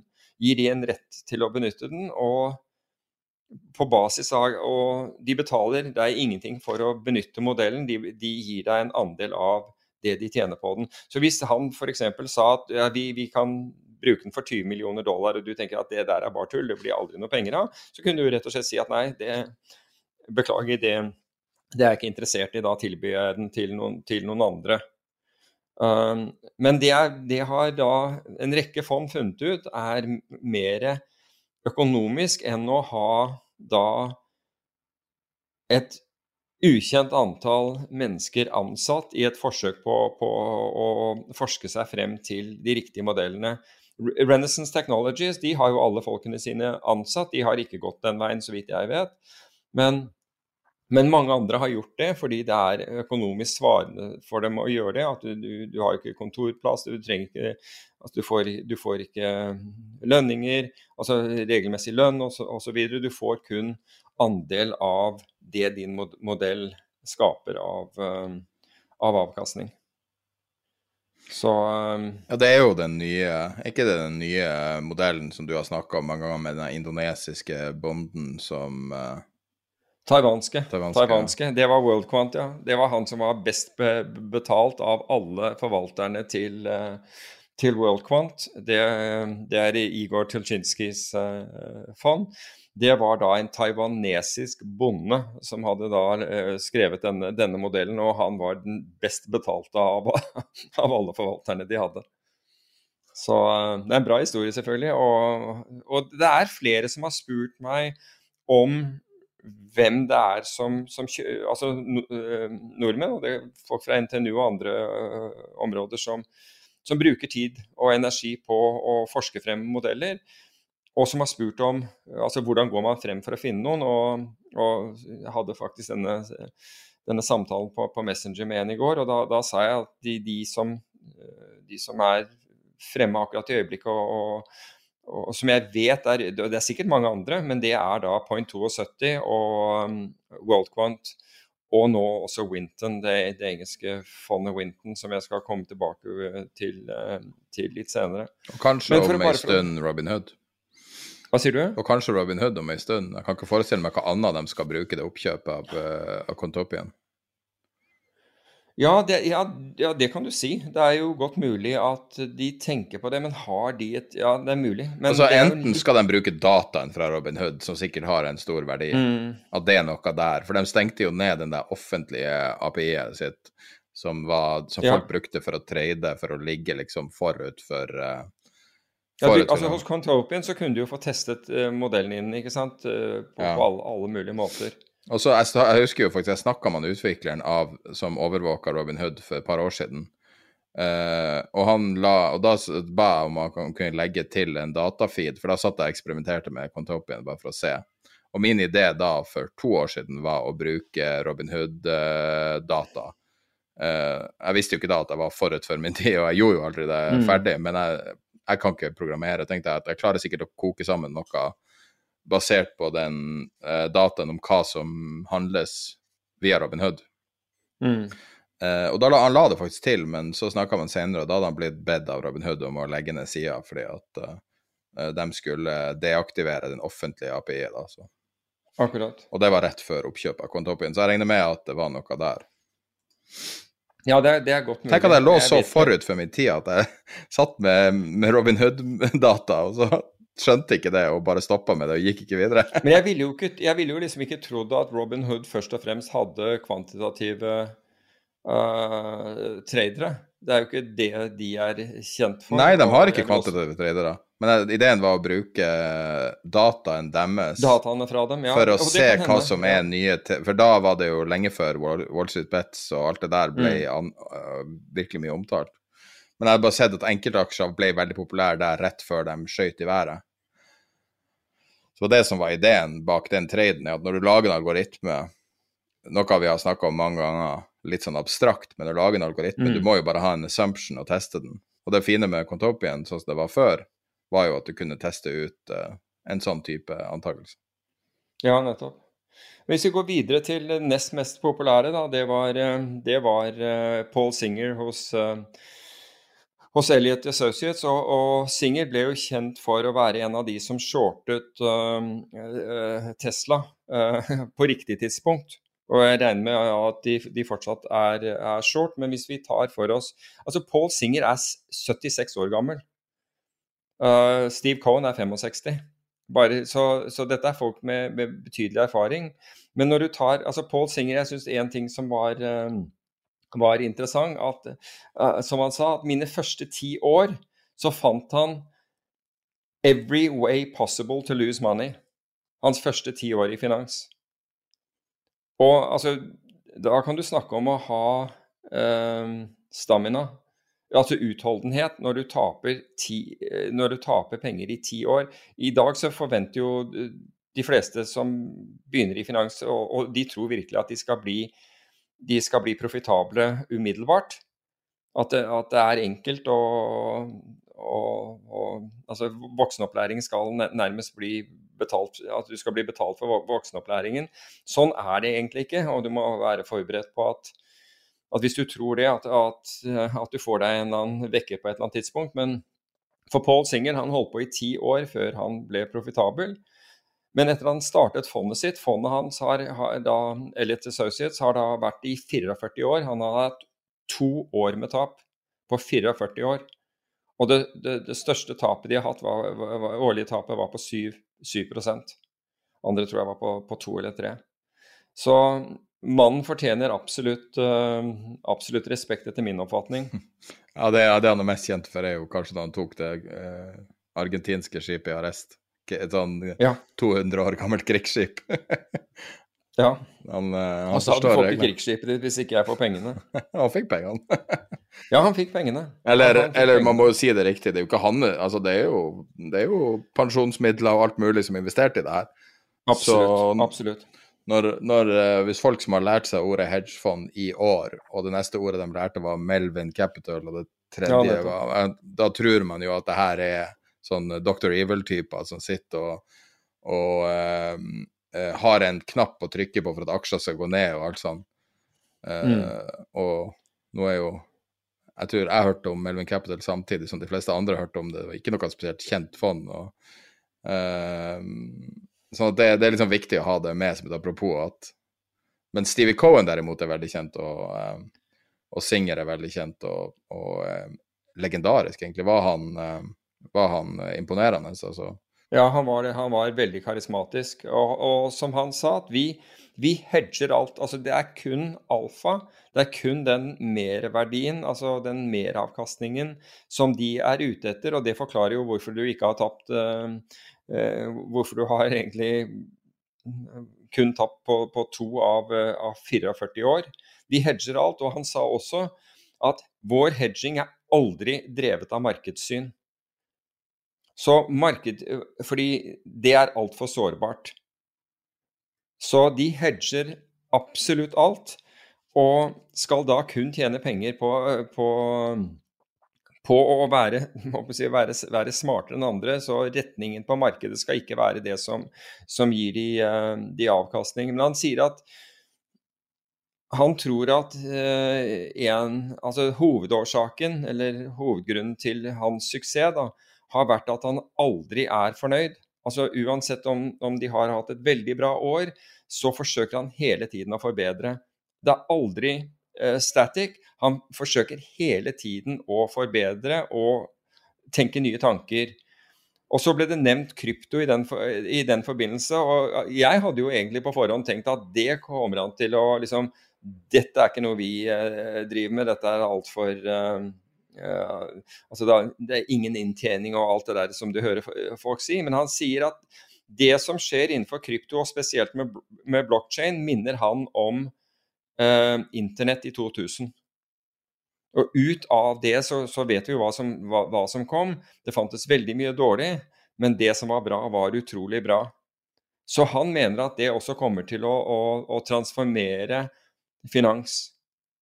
Så han er såpass åpen, han er da, som jeg nevnte 76 år gammel, men er såpass åpen og såpass eh, hva skal man si eh, lærevillig at han utelukker ikke noe og har sett på, på eh, dette spacet, både krypto og, eh, og i forbindelse med blokkjede, og mener at dette kan være et, et, et skifte. Og han sa at, at regjeringer altså de, de kan regulere det, men, men, men de kan ikke drepe en industri ved, ved, ved regulering. Så han har ikke noe tro på at det kommer til å, å, å, å bli ødelagt av, eh, av regulering. Og En annen ting han snakket om, og det tror jeg vi var inne på forrige gang, og det er disse meme-aksjene, altså det som skjer i selskaper. Det er jo ikke bare disse GameStop og AMC og disse her, men alle disse selskapene som ble, ble priset vanvittig høyt på, kun på forventninger, altså vekstaksjer. uh, squared, altså de mest ekstreme vekstaksjene, sånn, en del av dem havnet jo på, på Euronext Growth. Han sier det er ikke noe annet enn en funksjon av den stimuleringen som, som regjeringer har gjort. Ne nevnte han ARK med navnet han sa det? Nei, han nevnte ikke ARK med, med, med navn, men han sa at det er, det er en ren funksjon. Han ser dette som en ren funksjon. Altså, det, det er en følgefeil av den stimuleringen, overstimuleringen, som myndighetene har, har drevet med. Nevnte han Tesla, da? Nei, han gjorde ikke det. Han ble, ble heller ikke eh, spurt om det. Men han sa at markedene, altså de flinke, vil tilpasse seg den nye virkeligheten. Og han har registrert det som skjedde da, ikke minst med Tesla, men også med GameStop, med AMC osv. Og, så videre. og han sier at vi, vi tar dette til etterretning, og, og måten vi tilpasser oss på, er ikke å si at disse selskapene Nei, vi snur oss rundt og kjøper dem isteden. Han sa at vi forlenger vår durasjon. Vi skjønner at det kommer til å ta lengre tid før vårt scenario utspiller seg, og vi tar hensyn til det. Så, så vi, vi rett og slett tilpasser oss denne situasjonen med å øke durasjonen. og Det betyr jo også at du må ha mer kapital bak, fordi du sier at dette her, f.eks. GameStop eller hva som helst, det, det er ikke gjort- unnagjort på tre dager eller en uke, så, så, så, reagerer markedet tilbake. Men, men, det kan ta måneder og lang tid før de, gjør, eh, før de gjør det. Så vi øker vår de, eh, durasjon. Det er måten vi, vi håndterer den, den, uh, denne ris risikoen på. Så, så jeg, jeg, må si at uh, jeg syns vel at han var enda mer interessant enn Steve Cohen, selv om jeg syns uh, Cohens uh, foredrag var, var også veld, veldig interessant. Jeg mener å huske Så, at Var ikke det en av de hedgefondbøkene? Jeg tror det var 'More Money Than God', der det var en del om han. Jeg, More money than, Er det Malaby som har skrevet? Ja. Sebastian Malaby? Uh, det, det, er, mulig, det husker jeg ikke. Jeg mener å huske at den var ganske bra. Jeg tror jeg må lese den på nytt igjen. Ja. Uh, um, den ligger dessverre ikke på Audible, men den ligger på Kindle og alt sånt. Akkurat. Han har for øvrig uh, Elliot Associates har 45,2 milliarder dollar til forvaltning. Så, men, uh, men, men, hvis jeg kan eh, hoppe videre til, til Winton altså Winton er, er et, et engelsk fond som Uh, hvor, uh, hvor, eieren av selskapet, David Harding, er, uh, han er vel fysiker fra enten Oxford eller Cambridge, og hvor de, har, hvor de har matematikere og fysikere osv. ansatt. og Jeg har omtalt dem tidligere, bl.a. de de har, hadde, har, hvert fall hadde, jeg vet ikke om de har det fortsatt, men kontor i London, Cambridge og Oxford.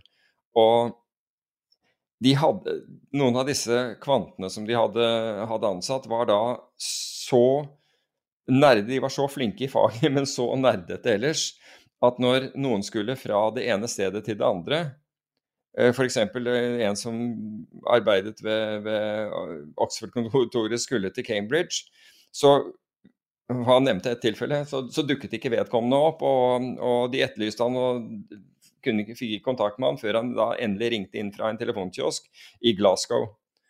Så de hadde visse utfordringer med å klare å komme seg fra et sted til et annet, men de, de, de kunne alt om matematikk og statistikk og den type ting. han skulle til at, Oxford og endte i Glasgow?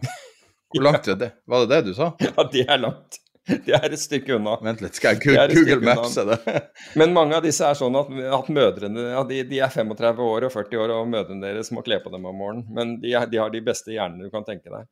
Men altså, så det endte med at han kjøpte et busselskap som da gikk i, i, i skytteltrafikk mellom kontorene deres for å sørge for at de fikk folk frem. Som Google.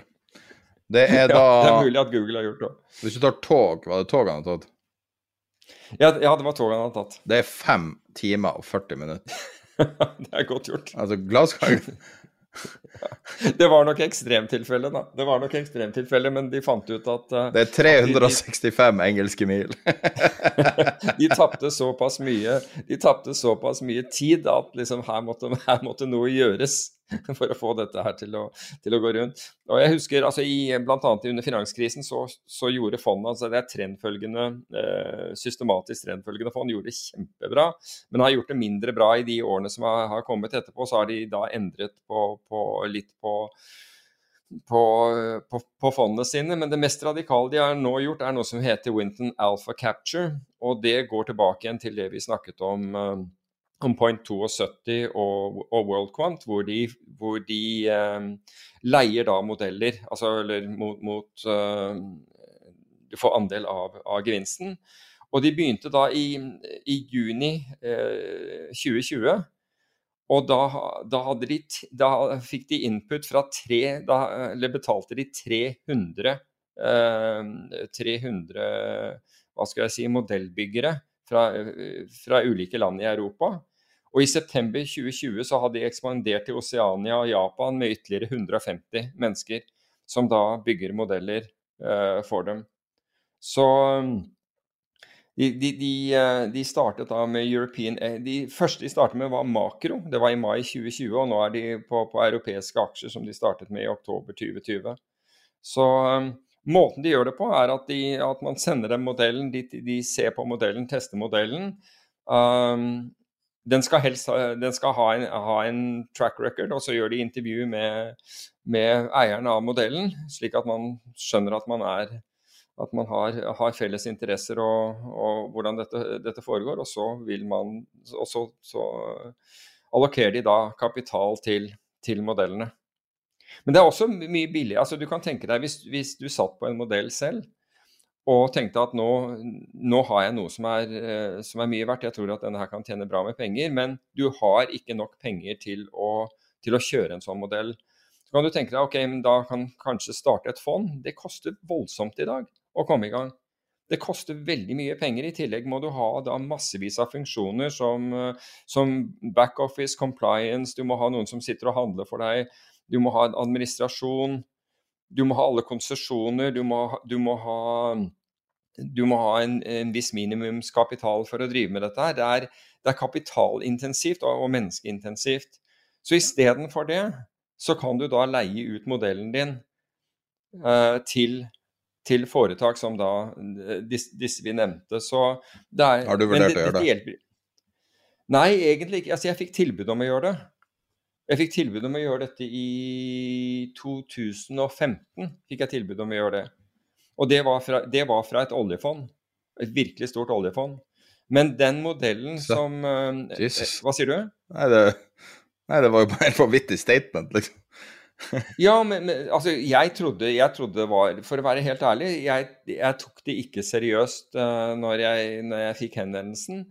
Og så kommer han til Oslo, og um, og, og fortelle meg hvordan de tenker og hva de gjør. Jeg møter han uh, i, i, i, Oslo, og da skjønte jeg at han var genuin. Jeg, jeg trodde på, til, til, å begynne med at det ikke var at dette var, var bogus, men jeg sjekket han opp, og, det, og han kom fra Dette var et uh, Midtøsten-fond. Uh, og årsaken var at de Eh, de ønsker sted, De er store, nå kan du muligens gjette hvem det er, eh, men uten at du trenger å si det. Men eh, de er store investorer i hedgefond.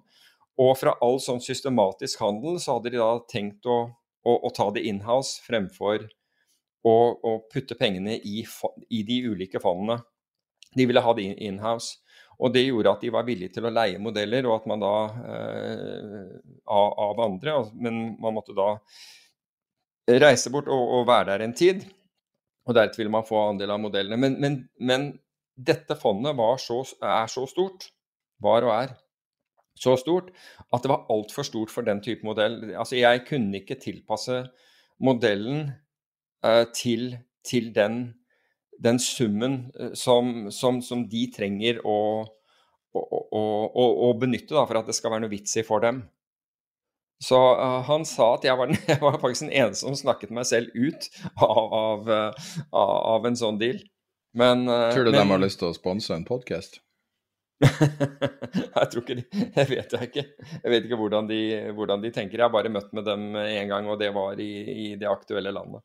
Um, ja. men, men, men, poenget er at fordi Så du sier at de kanskje har lyst til å sponse en podkast? det vet jeg ikke. Jeg, jeg, jeg, vet rett og slett ikke. Eh, jeg kan ikke se hva, hva de skulle få ut av å sponse en, en podkast, for de, de, de, har jo mer enn nok penger. Men, eh, men, men, men poenget deres var, eh, var, at de ville da begynne å kjøre den type, uh, type forvaltning inhouse, og ønsket da selvfølgelig å lære av det å bygge opp uh, eventuelt sitt eget. Snakker du nå om Winton, eller om det her uh, Sveriges, Sveriges oljefond? Ja. Den, den, ja, den, Sverige, den fra, ja. Det var ikke Sverige, det var, det var Sverige. det lå i Midtøsten. Men, men, uh, men så, så, de ønsket å bygge opp dette internt. Det var for øvrig en amerikaner som var, var, var sjef for den delen av forvaltningen, men han jeg snakket med, var sveitser. Uh, så Hvem var det i Winton som, uh, som, som snakka? Jeg vet ikke om du sa det? David Harding? Det var det, ja. Tenker du på? Ja, det var han som snakka? Nei, det var ikke David Harding som snakket, det var, var en av de andre som, eh, som, holdt, eh, som, som, forklarte om hva de gjorde. fordi det Winton var interessert i her, selvfølgelig er de interessert i investorkapital, men de er også interessert i å bli, uh, bli, bli, kjent i denne arenaen, slik at folk blir, er, er, kjent med at de er interessert i, i denne type modeller. Nei, Så det var det, de, Sorry. Nei, Winton har en, um, har en ganske stor YouTube-kanal som har veldig få seere som er mye, okay. mye intervjuer. Det ante jeg ikke. Så jeg kan le jeg legger ved en eller to av videoene i nyhetsbrevet som går ut. Tiderpenger.substack.com. Okay. Uh, da legger jeg det link til kanalen. for det Jeg tror det er, det er en del De har, de, info de har eh, skandinavere Nå husker jeg ikke hva han heter i, i farten, men det er i hvert fall en svenske som, eh, som jobber i Winton. Men han, han jobber på, på client relations-siden. Men er det Harding som er sjefen, eller er det Er ikke Ed Torp Det- der også? Nei, Ed, Ed Thorpe, nei, nei, nei. Ed Thorpe hadde sitt eget Han har aldri vært borti uh, i Winton, så vidt jeg vet. Hvis du snakker om Ed Thorpe som i uh, uh, Som i Blackjack, Ed Thorpe Ja, jeg trodde det var der han misforsto. Nei, nei. Så- David Harding er på Twitter og har 2800 følgere. OK. Det er litt sånn underfølt. Men, men de er jo rent altså Poenget er at de er rent sånn matematisk drevet, eh, drevet fond. Winton har alltid vært det. Vært helt tro til Jeg tror ikke de har en, en noen eh, fra finansjobbene der. Og det har de vel heller ikke for øvrig i Renaissance Technology. Jeg tror ikke det er noen med finansbakgrunn som jobber der heller. Og, så de er ikke interessert Anna enn det. Simons har jo litt finansbakgrunn. På en Ja. Eller nei, altså, det er jo sær... Han har jo ikke det. altså Hans bakgrunn, er jo matematikk. Jeg tenkte mer når han trada i starten. Så han trada futures. Ja, men det var bare måten man utførte på. ikke sant? Det var jo at du måtte, at du måtte kjøpe og selge selv for å kunne, kunne gjøre det. Var ikke han futures-trader først, før han begynte kvantitativt? Jeg tror han var. Uh, jeg tror ikke han var futures-trader. jeg tror han, Nei, altså, ikke sånn i noe pit eller noe sånt noe. Men om han handlet futures til å begynne med, det vet jeg ikke. Men jeg trodde egentlig at det var aksjer eh, som, som ble handlet der. Ja. Så, Men kan men du synes, fall det- det- hva var liksom på en måte For at hvert år så bruker jeg stille det samme spørsmålet til deg. Hva var liksom uh, throughputen? Hva var, hva var det store temaet? Man skulle jo tro at f.eks. i fjor husker jeg det var veldig covid, for det er akkurat når covid begynte virkelig å ta av. Mm. Uh, året før der igjen så husker jeg det var sånne mye alternative strategier, og det var du hadde en del eh, historier om sånn folk som driver arbitrasje innen forsikring og sånn der. Altså, det var litt sånn artige, artige strategier man ikke tenker seg intuitivt fram til. Nei, altså jeg vil jo si at det som Det var ikke så lett å finne én enkelt tråd, men hvis jeg skulle finne én enkelt tråd, så vil, så vil det være at de at, um, at, at en rekke av dem tror at blokkjede kommer til å forandre. Eh, kom- kommer til å, å, å forandre næringsliv, eller i hvert fall eh, finans. Eh, uten at de gikk inn på, på detaljer, men de mener at det er en viktig dette er, altså det som har skjedd med og, og, det, Utviklingen i blokkjede er såpass viktig at, den, at uh, de tror at det vil være en game changer. Ja, det er for så vidt det. Og, og så helt til slutt så Boas Weinstein, som vi har snakket om eh, tidligere også, i Saba Capital, han, eh, det var på fredag han holdt, eh, holdt, holdt sitt foredrag. Og han påpekte hvor, hvor feilpriset ulike aktivaklasser er i forhold til hverandre. Og han sier også at dette er en funksjon av, av myndighetenes pengeinnsprøytning, som gjør at du får eh, altså effekter i markedet som, som, ikke er, som ikke er normale, ikke er matematiske. Og han nevnte bl.a. Uh, at han har jo hele tiden påpekt at den mest, uh, den, den mest overvurderte aktivaklassen er corporate bonds. Han sa de er, det er det mest sårbare. Og, men nå fortalte han at, du, at han at han utstedte CDS-kontrakter. altså med, med, andre ord, han, han utstedte konkursforsikring på, uh, på disse selskapene.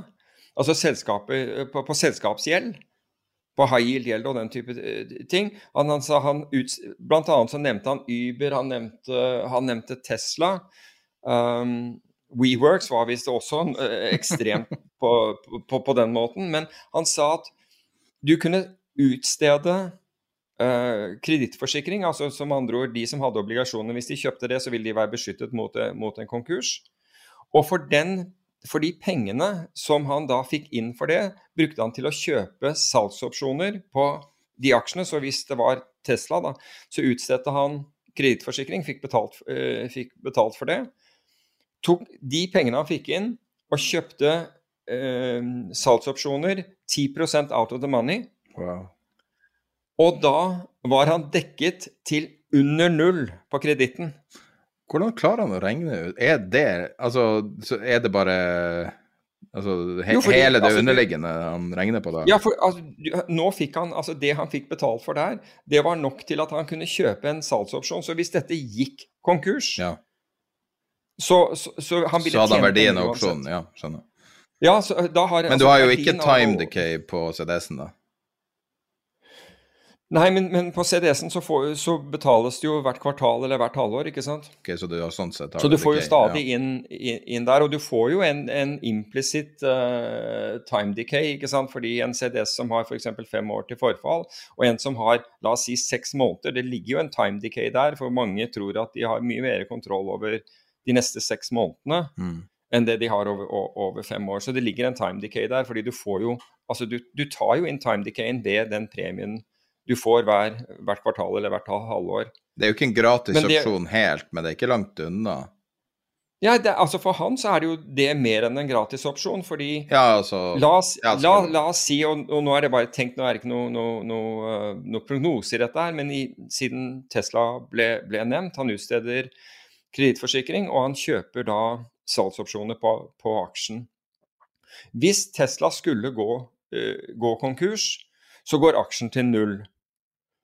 Mens, kredit, mens uh, obligasjonen sannsynligvis ikke går helt til null, fordi det, fordi det nuller ut uh, aksjeverdier. Men det vil være altså Fabrikkene vil, vil ha, ha en verdi, i hvert fall sannsynligvis noe teknologi, noe vil ha en verdi. Slik at de obligasjonene Han sa altså de, de kunne gå til under null, og han ville fremdeles tjene penger. De går jo ikke lenger nede enn en null, men de kunne gå under null, og han ville tjene penger. Ja, Så, så basically så har dette med hvordan, hvordan skaffer man seg eh, kurssikring til, til nedsiden til billigst mulig til billigst mulig penge, og slipper å Hvis jeg forutsetter, eller jeg tror, men det kan være at han ikke har noe syn på, på, på Tesla også, han bare ser denne muligheten fordi den ikke koster han noe. For han får betalt for den hele tiden, så han kan bare sitte der og, i, i rå mak. Og, og Tesla blir da nærmest som et, som et lodd som man ikke trenger å tenke på, et lodd som er finansiert. Hvis noe skulle skje med Tesla, så tjener han veldig mye penger. Hvis ingenting skjer med Tesla, så, så, bryr, han, så bryr han ikke, fordi han, han, han har likevel fått noen inntekter på, på, på den posisjonen, og han kan bruke, bruke, øh, bruke energien sin og pengene sine på andre ting som tjener penger. Jeg prøver å tenke, Det interessante her er jo at CDS-en, altså konstruksjonen, er jo interessant. Og helt ny, jeg har aldri hørt om den konstruksjonen før. Uh, det interessante der er jo at for, for å få en, et krav, så må jo Tesla ha en credit event, som er fra en Ja. komité, altså en teknisk default eller noe sånt. Eh, så det, sånn, sånn at han er jo beskytta, mens, eh, mens han får jo betalt Sånn at, at, at han får en faktura når kursen er i praksis i null. Men han får jo betalt fra bare et lite kursfall. Får han jo godt betalt. Mm. Så det er jo veldig elegant sånn. Det er jo, det er jo en veldig eh, En veldig eh, eh, skew i eh, risk reward, da. Ja, altså hvis hvis du, Vi snakket jo i sted om øh, så vidt det var om, om Borr Drilling. Tenk deg om du, du hadde gjort det samme i Borr Drilling, om det hadde vært mulig å kjøpe en og, og utstede en CDS på, på Borr Drilling. Det tror jeg, altså Hvis du hadde vært tilbudt en CDS Problemet er at det er ikke opsjoner på aksjen, men hvis du hadde tilbudt en CDS på, på, på Borr Drilling, så hadde den blitt snappet opp tvert for, for et år siden.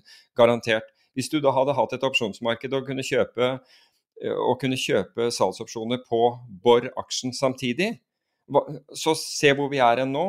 Borr-aksjen er vesentlig ned. Det har ikke vært en kreditt-event i, i, i gjelden. Så gjelden har blitt betalt, og alt har vært i orden der. Du ville tjent vanvittig på, på, på salgsopsjonen din. Det var en av de mest elegante tradene jeg tror jeg har hørt om noen gang. Men jeg tror Men er USA er Altså, Borr er jo Han har, han har spilt sjakk med Magnus Carlsen. ja. Bare, bare, er notert eh, i New York, da. Er ikke det opsjoner på den? Det ville vært veldig rart hvis det ikke var På, på den ny, Nyse-noterte. på Hva snakker vi om nå? New På York, Borr? Borr, ja. Å ja, det vet jeg ikke. Det vet jeg ikke om det er. Jeg, jeg bare brukte det som et eksempel fordi du nevnte dette med credit event. Men der har det har jo- ikke vært en credit... Ja. Det har ikke vært en credit event, men til tross for det så har aksjen falt mye. Så du kan si at hvis du skulle se det lignende i Tesla, at Tesla er i stand til å opprettholde Altså til tross for hvis det skulle komme et voldsomt kursfall på aksjen, men de klarer allikevel å betjene gjelden sin, så vil da CDS-en ikke komme til anvendelse. Altså den konkursforsikringen som han har utstedt, vil da ikke bli gjort gjeldende, men han vil ha tjent veldig mye, mye på, på fall i aksjen. På, hvis det motsatte, eller hvis du tenker deg at det kommer en credit event, så skal Altså, jeg vet ikke et, et eneste tilfelle hvor det har vært en stor credit event, men hvor ikke aksjen har falt. Så det måtte være den eneste. Så får får litt. Ja, nettopp. nettopp. Men du vet nå aldri skal... med Tesla, altså jeg kan tenke meg at aksjen Nei, stiger hvis altså, det konker. det er som Liksom. jeg sa, Tesla er en, er en religion, men poenget hans er at han er ikke At måten han har konstruert handelen på, det, denne posisjonen på, gjør at han gjør at han, at han kan sove rolig. Um, for øvrig så sa Paul Singer om det der, for det var, en, det var en som spurte 'What keeps you up at night?' Og han sa ingenting. Hvis jeg skulle våkne om natten av en posisjon, så selger jeg den på morgenen. Ferdig. Så enkelt var det. Så han sover godt om natten. Det er motsatt av Bernie for han tok jo sinnssykt mye sovemedisin. Gjør han det? Ok. Ja, det- Fordi at Men, han, eh, han hadde masse som holdt han våken. da trengte du det. Og, ja, ja, det, det kan jeg tro. Det kan jeg tro. Så um, Anyway, så det var, um, det var fra den konferansen. Hvor mange sånne foredrag var du på?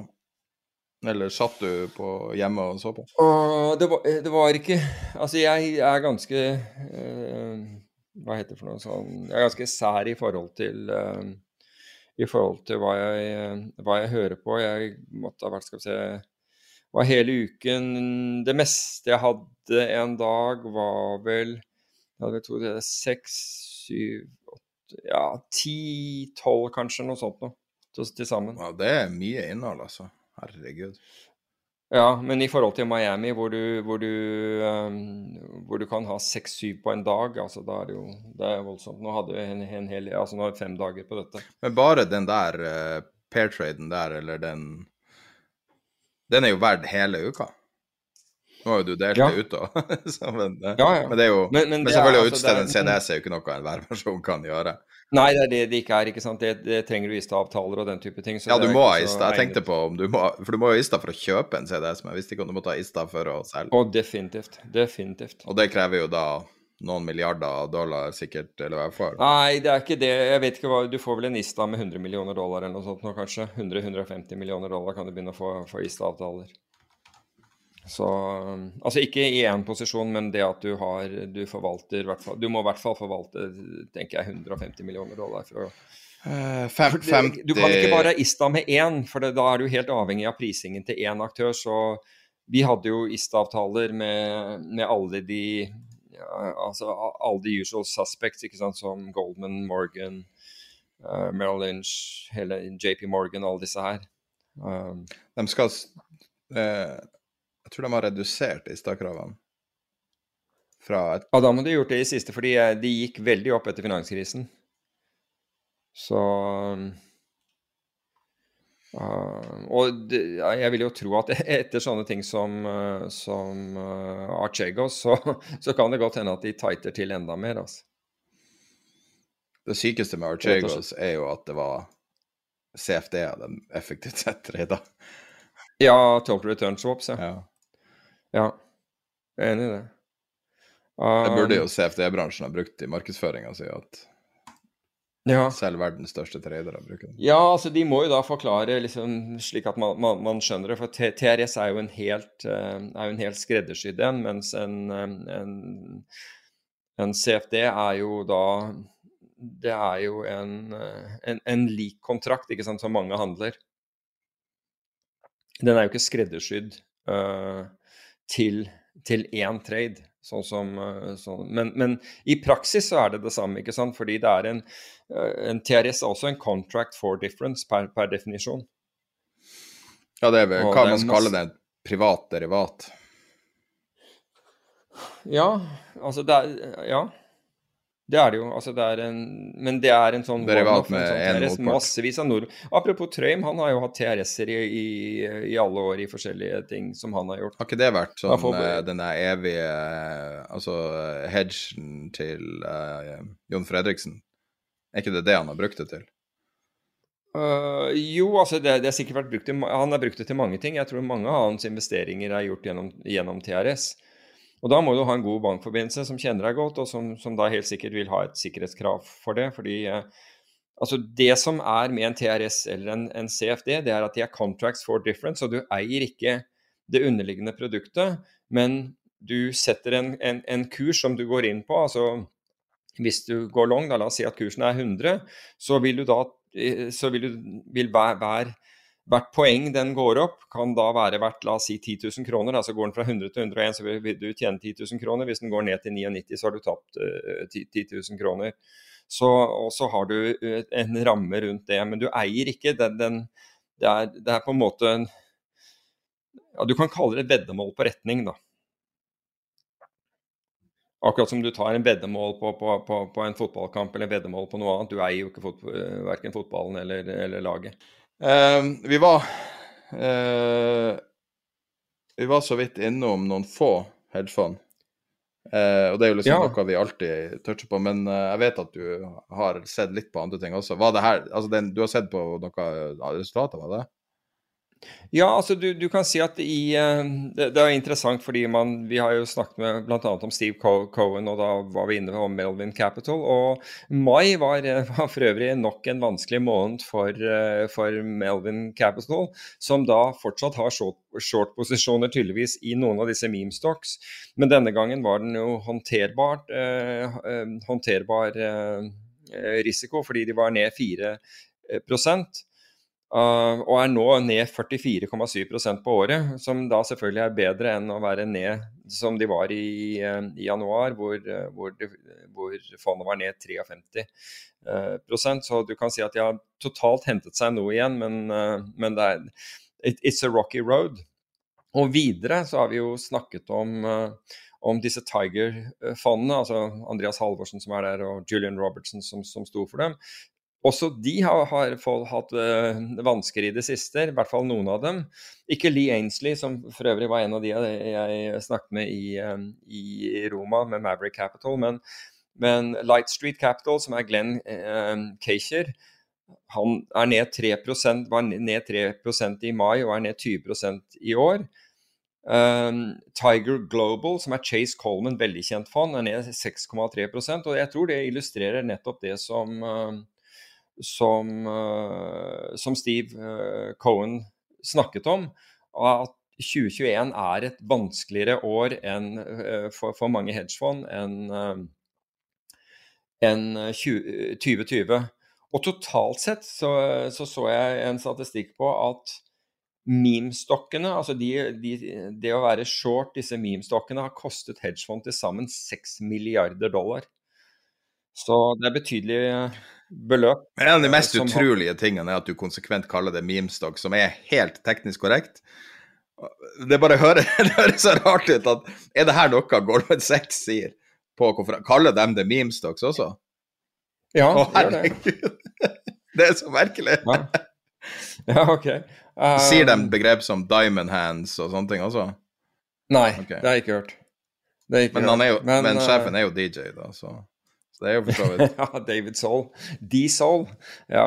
Mens, uh, mens på, på, den positive siden da, så må vi jo si at dette Oslo Asset Management, eller det som uh, de, de, som har bokstavene AAM, men det er fordi de het Aker Asset Management uh, tidligere, det, det norske hedgefondet som ikke trader i meme stocks, men, men innenfor innenfor uh, olje og energi, uh, eller energistokk, de er, de er uh, ledende blant de norske hedgefondene med, med, en oppgang på over 25% hittil i år. Så de har i hvert fall klart å, å, å Det har nok vært greit å kunne styre unna mye av, av det som har skjedd i, i, i hedgefondverden for øvrig. For det har som sagt vært en, et tøffere år. Og så helt til slutt da, så tenkte jeg altså, på, på, på, litt av hvert. altså Nå gikk jo Ferdigseilasen i, eh, i, i, helgen. Ikke det at jeg var med, men, men jeg nevnte for en tid tilbake at Uh, og Jeg husker ikke hvem det var som, som, som, sa, som sa, sa, dette uttrykket, men, men, uansett hvor stor seil du har, hvis det ikke er vind, så, så, så, hjelper det ikke. Og poenget jeg brukte, altså den analogien jeg hadde til, til, til trading, det er at, at vi, hvis du har modeller som jeg, av og til så vil du finne ut at du får ikke et eneste signal. Og Det er ikke noe galt med modellen, men det er bare, det blåser ikke vind. Altså det, det er, det, ting ligger ikke til rette for den modellen akkurat i øyeblikket. Det skjer ikke noe. Og det er utrolig vanskelig å sitte på hendene og se ingenting skje. Du ser nesten og nesten og nesten, og du, sitter, og du tilbringer en dag mens du, du, du, følger med på tall og markeder. Men det er ingenting, ingen handler. Og du må være ekstremt disiplinert for å ikke tenke at men, ikke se mønstre som ikke er der. Altså rett og slett uh, Du stirrer så lenge i at, at, du, at, at, du, tror du ser noe. Men jeg tenkte en annen analogi, og det var faktisk i forbindelse med Jeg seilte jo uh, selv i, i, i, veldig mange år. Og, det også, og, dette kan også skje med deg når du in, både investerer eller, trade, eller, driver og trader. Forskjellen der er jo en, at den ene holder på mye hurtigere eller mye kortere tidshorisont enn den andre. Men, så, men, i prinsipp så gjør man stort sett de samme tingene. Og det er at man, man, man kommer man, man, seiler til et eller annet område, og så dør vinden. Og så kommer du ikke tilbake igjen.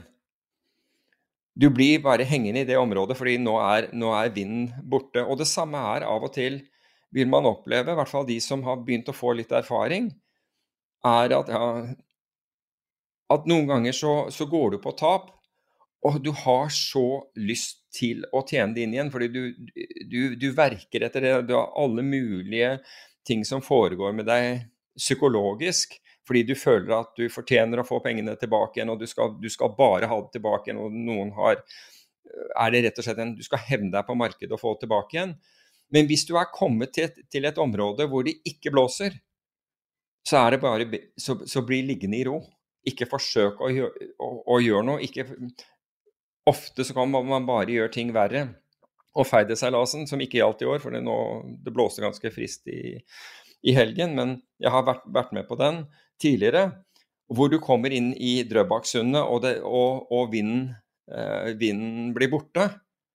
Og det beste du kan gjøre, er egentlig å hive ut anker, i hvert fall hvis tidevannet er på vei inn, eller så rygger du tilbake igjen eh, mot Oslo. Og du må bare vente det ut.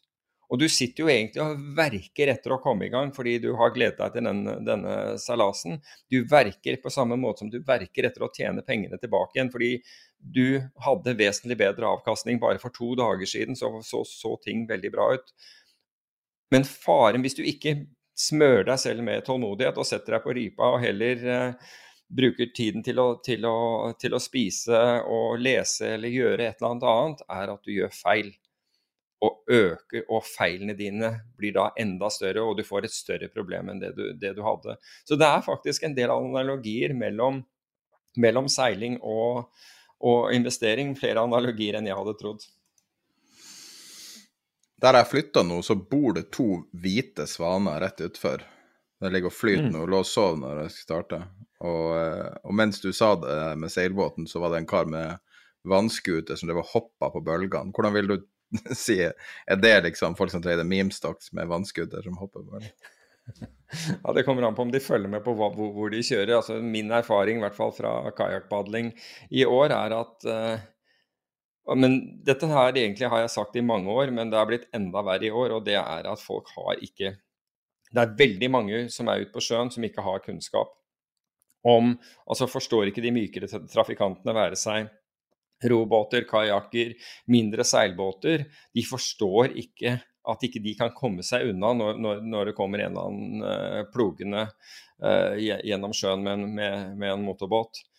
Ei heller tar, tar hensyn. Uh, og så, så, så, det er mye av det. I går så, så jeg en motorsnekke som var millimeter fra, fra å treffe en, en, en robåt med fire stykker om bord fordi de så inn mot land istedenfor å, i for å se, se, rundt seg.